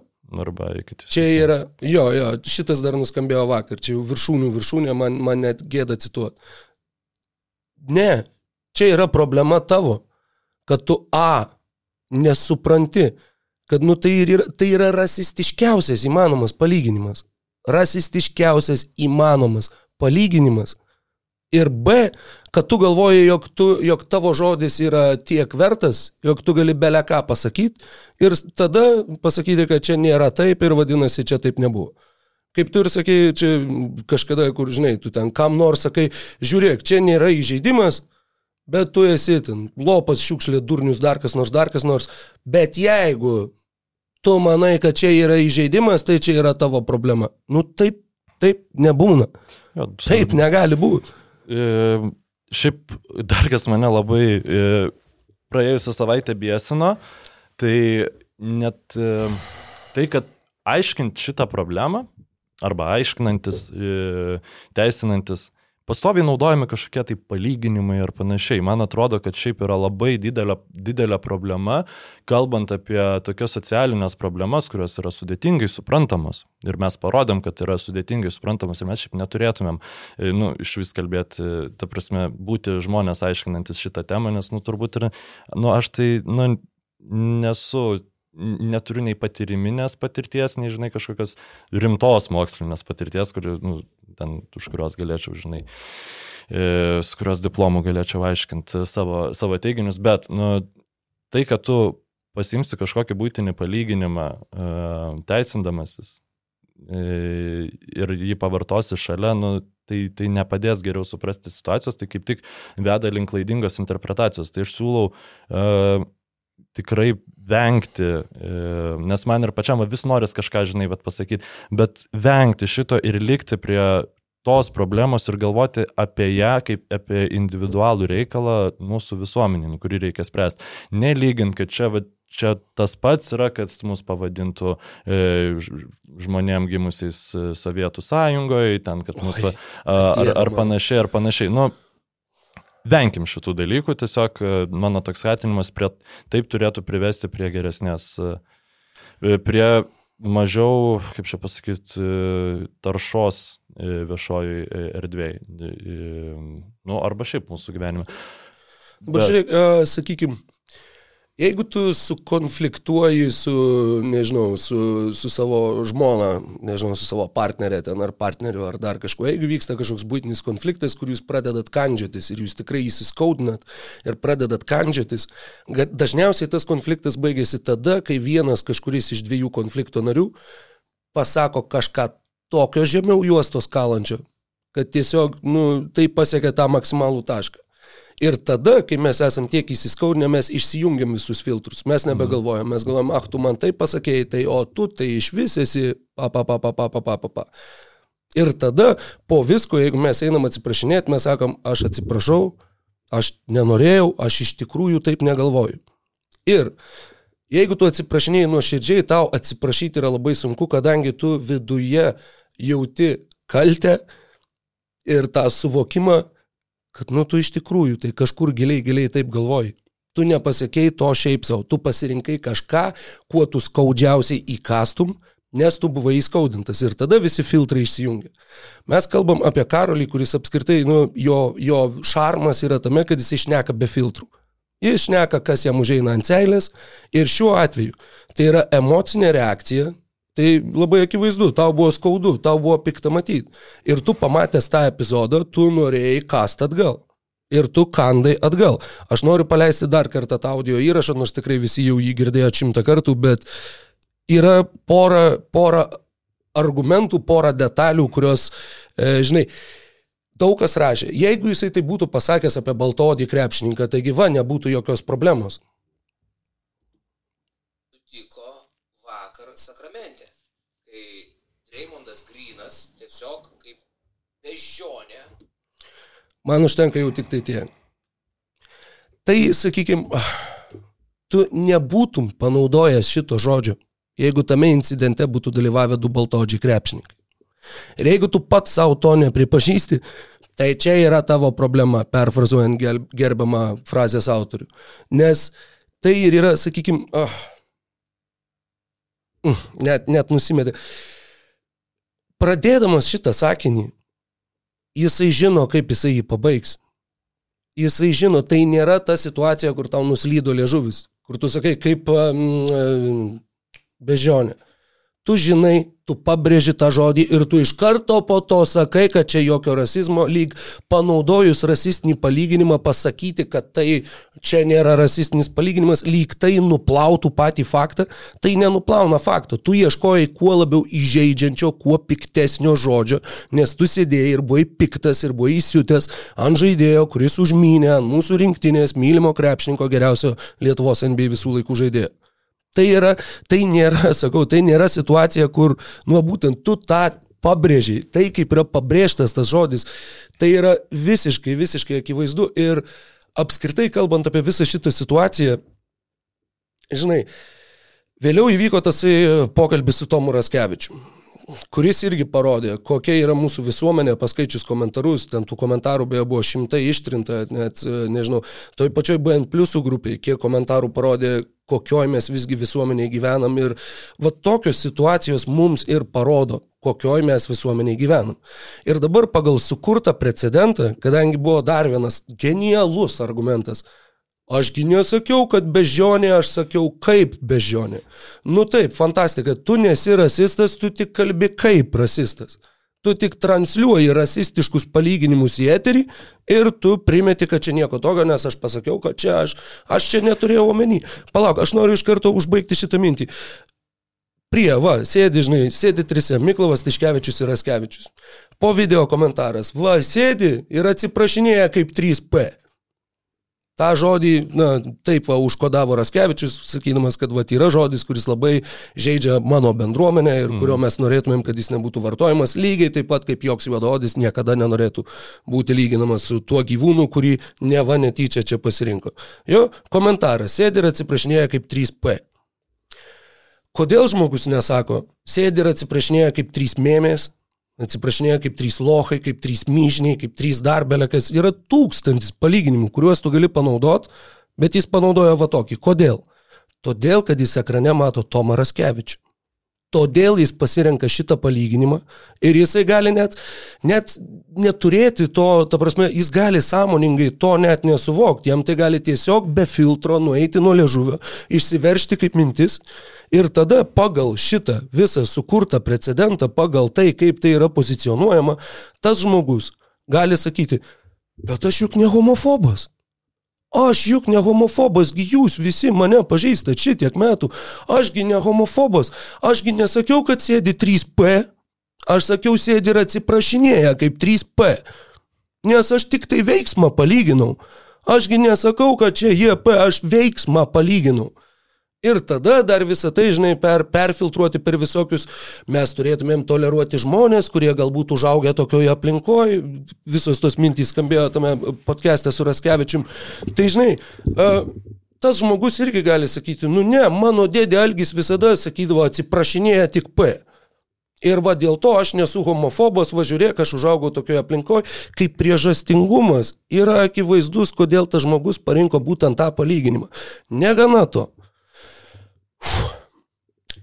Jeigu to žmogaus, dabar va irgi, pagal visą šitą, šitą precedentą, jeigu to žmogaus darbovietė pamato tą komentarą ir pasako, uf, uf, nu taip negalima. Ir išplatina pranešimą, kad, nu, šitas žmogus, mes, žinai, mes nesutinkam tokią poziciją, mes nepalaikom homofobiškų palyginimų ir mes at, atsiribojam nuo šitos pozicijos.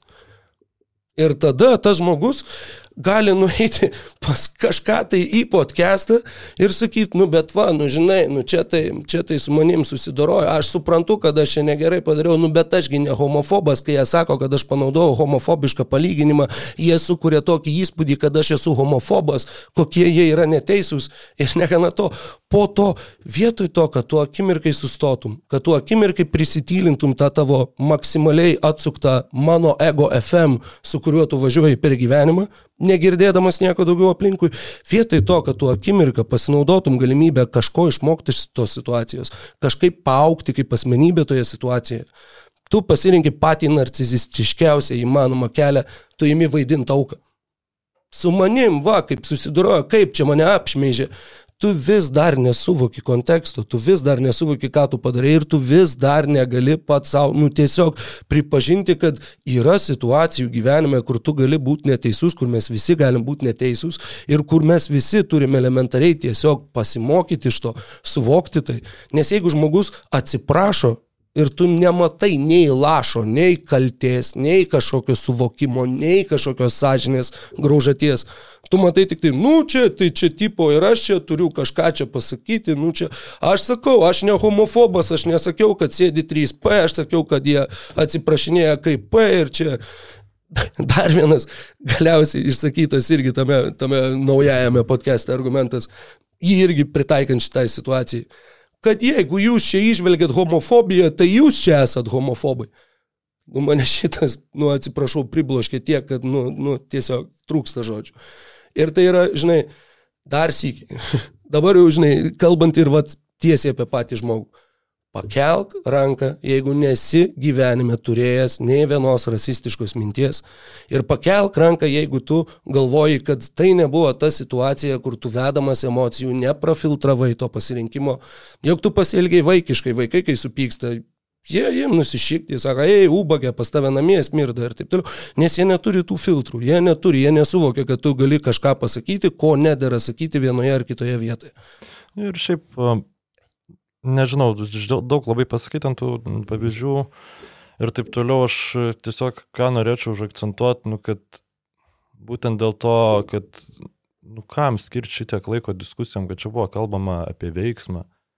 Nu, pirmiausia, tu kalbėdamas apie veiksmus atliktus žmogaus, jie gali būti geri, jie gali būti blogi, tu negali atsijėti jo identiteto, jo rasės, Nuo to, ar jo nes, orientacijos, ar jo socialinės. Nu, ta prasme, vis, visų, visų šitų dalykų. Tai nu, mes turim būti geresni negu pasakyti kažką ir paskui teisintis, kad čia buvo konkrečiai apie kažkokį izoliuotą veiksmą kalbama. Nu, niekada taip nebūna ir niekada taip nebus išgirsta.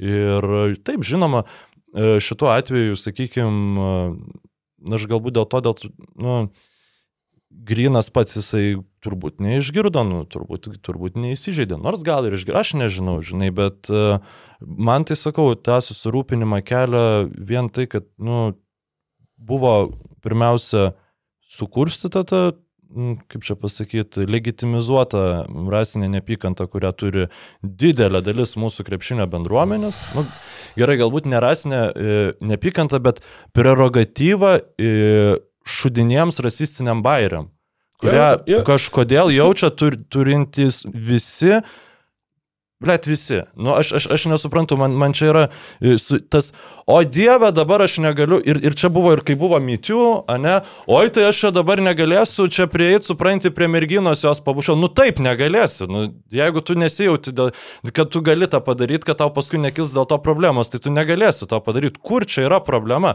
Oi tai va dabar nieko nega, negaliu, matai, aš vat paimti ir, ir rasistinių prikolų savo uždaram rate mėtyti, nes čia gali mane kažkas nukencelinti. Ir supranti, ir va tas, kur prasideda komentaras, e, koks nors ten, oi tai čia dabar, jūs čia gal man nenukencelinsit manęs čia už šitą bairį, čia kažkaip, nu, tiesiog turėkit geresnį humoro jausmą žmonės ir Nu, nekils šitų problemų. Atsakomybę kažkokią, tiesiog, nu, suvokimą. Žinai, kas, kas iš tikrųjų tai nėra legitimizuotas pilnai rasizmas, bet, kaip minėjau, vat, su tom rasistinėm mintim, kurios šauna į galvą, kodėl galų galiai yra tiek daug palaikymo? Nes mes visi tų minčių kartais turim. Ir mes pamatėm žmogų, kuriam šovė į galvą tokia mintis, ir tada yra, aha, oi, žiūrėk, aš ant savęs, jeigu aš pykstu, kad aš kažkaip negražiai pavadinau, va, tam, pavyzdžiui, kitos rasės, kitos orientacijos, whatever. Jeigu tokia mintis man šovė į galvą, mes įprastai, mes truputėlį susigėstam, mes truputėlį supykstam ant savęs, kad, nu, negražiai čia pagalvojau. Bet dabar su visa šita istorija yra, kad, ei, žiūrėk, galima. Va, žinomas žmogus, populiarus žmogus, va pasakė, jis pats pasakė, pasiteisino, kad či- čia nėra rasizmas, tai žiūrėk, vadinasi ir man dinksta truputėlis tos atsakomybės prieš save, vadinasi ir aš galiu pagalvoti tuos dalykus ir ant savęs nepykti, nes jeigu pats savo pasakysiu, kad, nu, bet čia nėra rasizmas, aš nesakiau, kad bežionė, aš sakiau, kaip bežionė. Visi tie dalykai, jie truputėlį išlaisvina. Mes labai mėgstam, nu jo, va, nežinau, galėti sakyti, kas tik tai užėjo ant liežuvio galo. Ir va šita istorija, sakau, dėl ko jinai šitaip surezonavo taip plačiai mūsų visuomeniai, dėl to, kad labai daug kas dabar jaučiasi daug laisviau savo galvose ir turi bent jau vieną kažkokį saugiklį, kuris juos galbūt vargino, visi saugikliai iš esmės vargina. Ir juos gali išsijungti ir bent jau savo galvoje, jeigu ir ne viešoje erdvėje. Daug drąsiau va savo leisti galvoti tokius dalykus.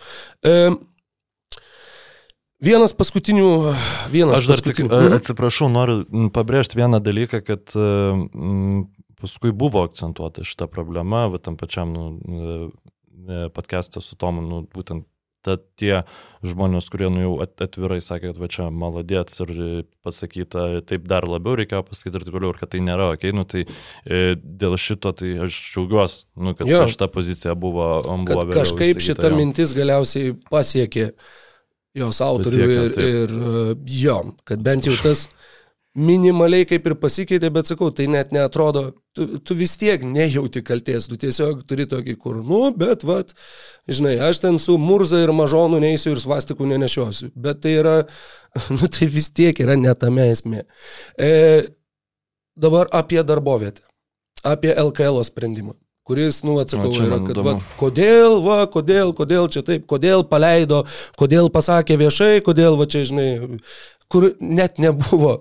Tu net nebuvai pavadintas rasistų, buvo parašyta, kad LKL netoleruoja rasistinių, homofobiškų ar kitokių pasisakymų, palyginimų ar, ar kažkokios kitos neapykantos kalbos e, sklaidos. Lietuvos krepšinio lygoje, aš paskaičiavau šiandien važiuodamas į čia, žaidžia 37 juodaodžiai krepšininkai. Nemaža dalis iš jų, didžioji dalis iš jų yra atvažiavusi iš Junktinių Amerikos valstijų. Junktinėse Amerikos valstijose gyvena jų šeimos, gyvena jų draugai, jų giminaičiai, jų buvę klasiokai, jų buvę kursiokai, jų buvę komandos draugai, jų buvę treneriai. 37 žmonės ir jų šimtai, kai kuriais atvejais turbūt tūkstančiai pažįst, pažįstamų gyvenančių Junktinėse valstijose. Kai tai išėjo į, sakykime, JAV žiniasklaidą, gerai, ten nepopuliariausius visokius, e, sakykime, ne, ne portalus, bet NBA Central. Tarp tų žmonių, kurie tenai gyvena, kaip tų visų iš minėtų krepšininkų, artimieji giminaičiai ir jada, jada, jada, kuo domisi, na sakykime, kiek iš jų yra krepšinio pasaulio žmonių? Aš manau, kad tikrai nemažai. Kuo domisi krepšinio pasaulio žmonės, ką skaito krepšinio pasaulio žmonės, jie skaito naujienas apie krepšinį. Kiek, sakykime, ar tu gali būti garantuotas, na, aš, aš netgi sakyčiau, kad labiau tikėtina, daug labiau tikėtina, kad bent kažkas iš tų žmonių, kurie sėdi ten, jeigu ne iš tų, kurie žaidžia čia, perskaitė apie tai. Ir tada galvoju, wow, mano ten brolis ar ten mano draugas ar kažkas toj šaly žaidžia. Ir nusiuntė ir jiem. Ir paklausė, hei, čia kaip, kas čia buvo? Tu matei čia, čia kas čia, čia kas čia per dobičias? Ir jeigu tie žmonės pamatė, ir aš sakau, beveik garantuotai, jie pamatė, jie pamatė šitą istoriją, jie, jie girdėjo šitą istoriją. Ir jeigu vienas iš jų, na, kaip čia pasakyti, vis viena tos, tos žinios vaikšto, tos žinios vaikšto. Ir, sakykime, mm, vėl truputėlį pamečiau mintį, bet... Uh, Jo, čia mes sėdim, žinai, ir, ir uh, sprendžiam, va, nežinau, ten tūkstančiai baltodžių sėdi ir sprendžia, va, čia yra rasizmas ar ne. Karolis Tiškevičius netgi sugebėjo pasimti, sakykime, mintį iš tinklalaidės su Tomu Raskevičiu. Jisai vakar ten išnekėjo tai laidoj, kur sakė, va, Raskevičius sakė, kad čia ne rasizmas, kad čia ne rasizmas. Kur palauk, aš tiesiog noriu paleisti dar vieną audio įrašą ir paklausti, ką sako Tomas Raskevičius į šitą klausimą, koks yra jo atsakymas.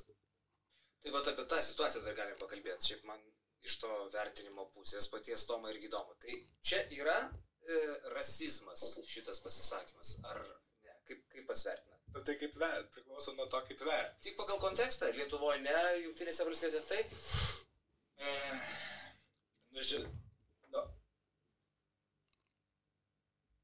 manau, kad intencija nebuvo rasistinė, kad galima tą perskaityti, interpretuoti, toks variantas galimas.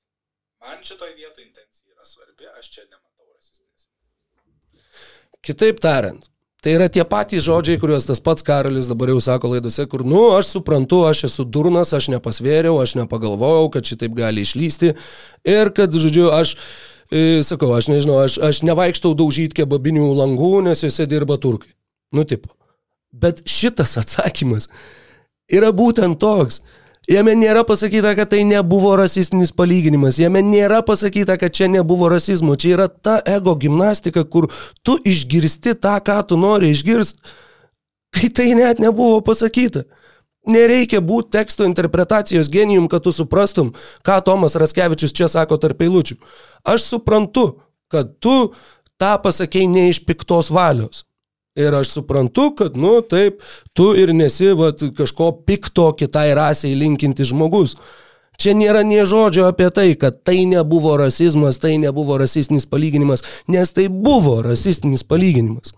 Ir galų galę, jeigu jau čia sprendžia, sakau, burys baltaodžių, žinai, kur ar čia buvo rasizmas ar ne, gerai, Karoli, pasimt nu, tą video su tais uždėtais angliškais titrais, dešimties LKL juododžių krepšininkų paklaust, nuėjęs, parodęs jiem tą video, nuo nulio iki šimto balų skalėje, kiek rasistinis yra šis palyginimas.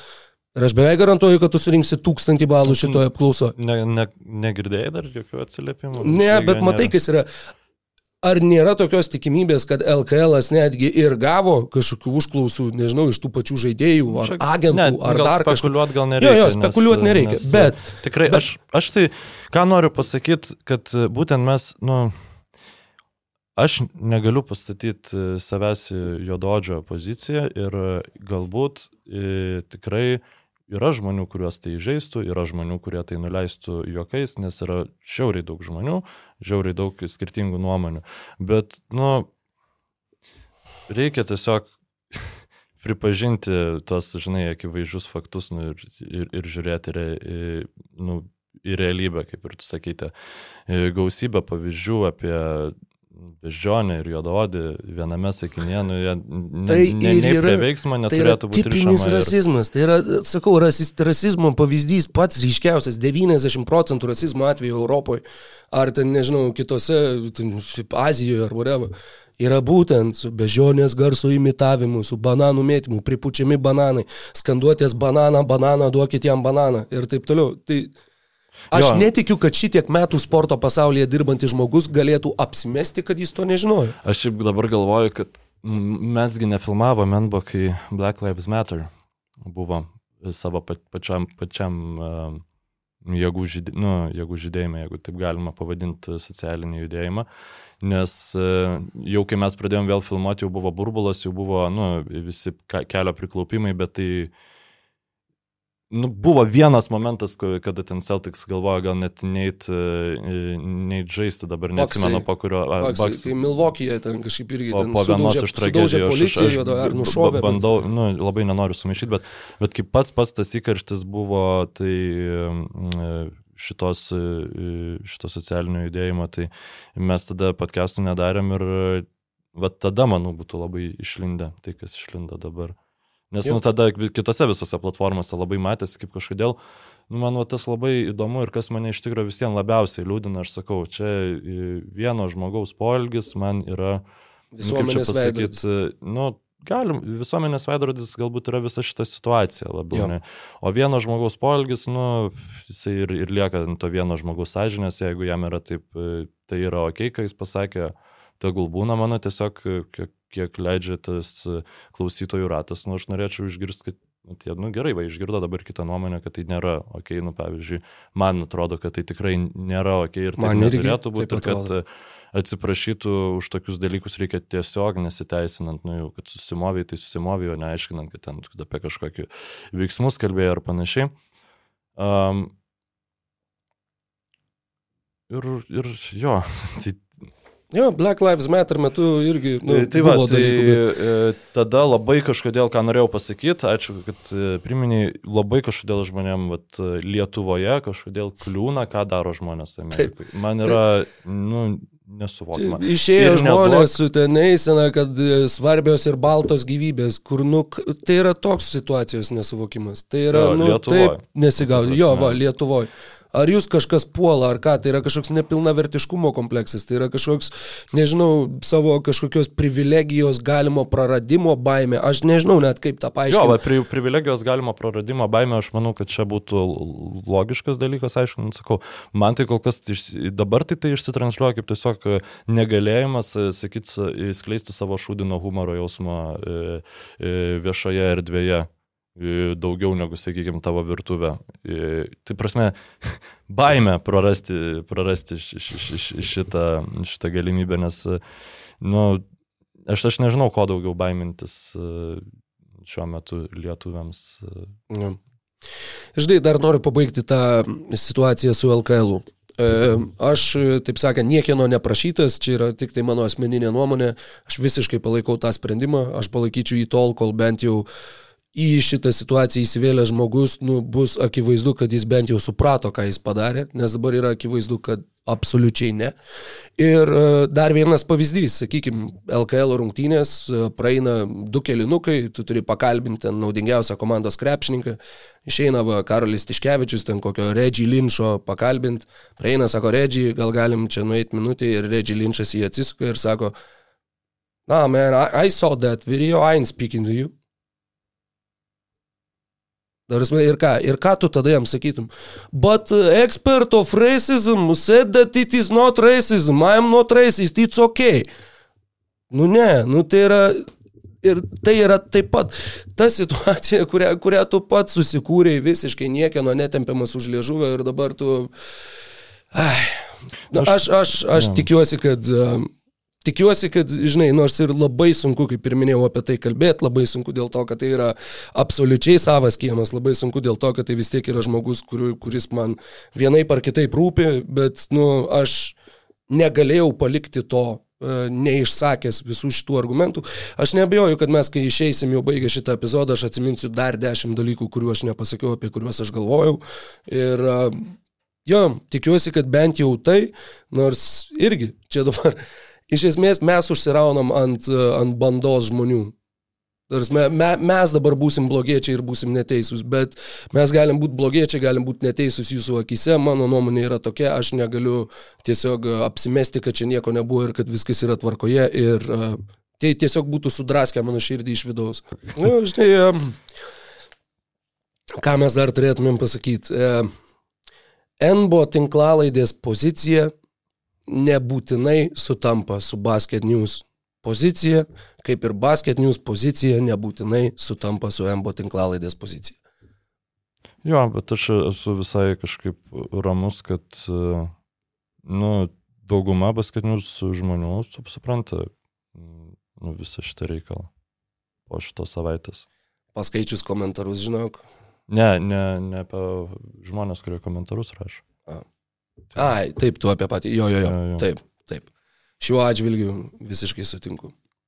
Nu, tai gal aš, aš nežinau, gal tiek jo, tu, kai, kaip ir sakai, čia, žinai, galima labai ilgai diskutuoti, bet turbūt čia pagrindinis tas akcentas buvo, nes, nu, mes galėjom su tavim da- dalyvauti to, toje tinklalaidai, išsakyti savo požiūrį.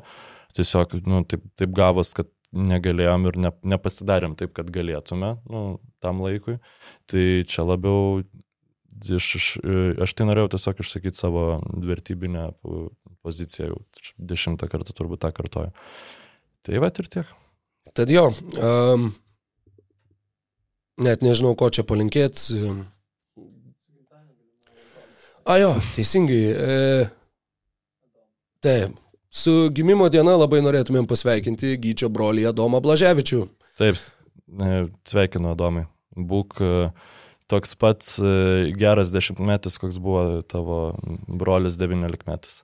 Bet... Yes. Na ką, tai šią džiugesnę natą, manau, kad e, ir užbaigėme šį ilgai lauktą, kuriam laikui užstrigusi, bet dabar va grįžusi NBO tinklalaidės epizodą ir susiklausysime su jumis jau ketvirtadienį. Ketvirtadienį lauksime jūsų klausimų ir atsakymų, kad kompensuotumėme tą, tą netektį, kurią kurią patyrė tie žmonės, kurie laukia šitos laidos, kurie galbūt laukia šito pokalbio, kurie galbūt nelaukia šito pokalbio, bet kaip ir minėjau, yra dalykų, apie kuriuos mm, nekalbėti, man atrodo, jog būtų neteisinga. Tad ačiū visiems, kas buvote kartu su mumis, Mykolas Jankaitis, Gytis Blaževičius, Rokas Grajauskas. Linkiu Jums viso ko geriausio, Du sėkmės. laimingai.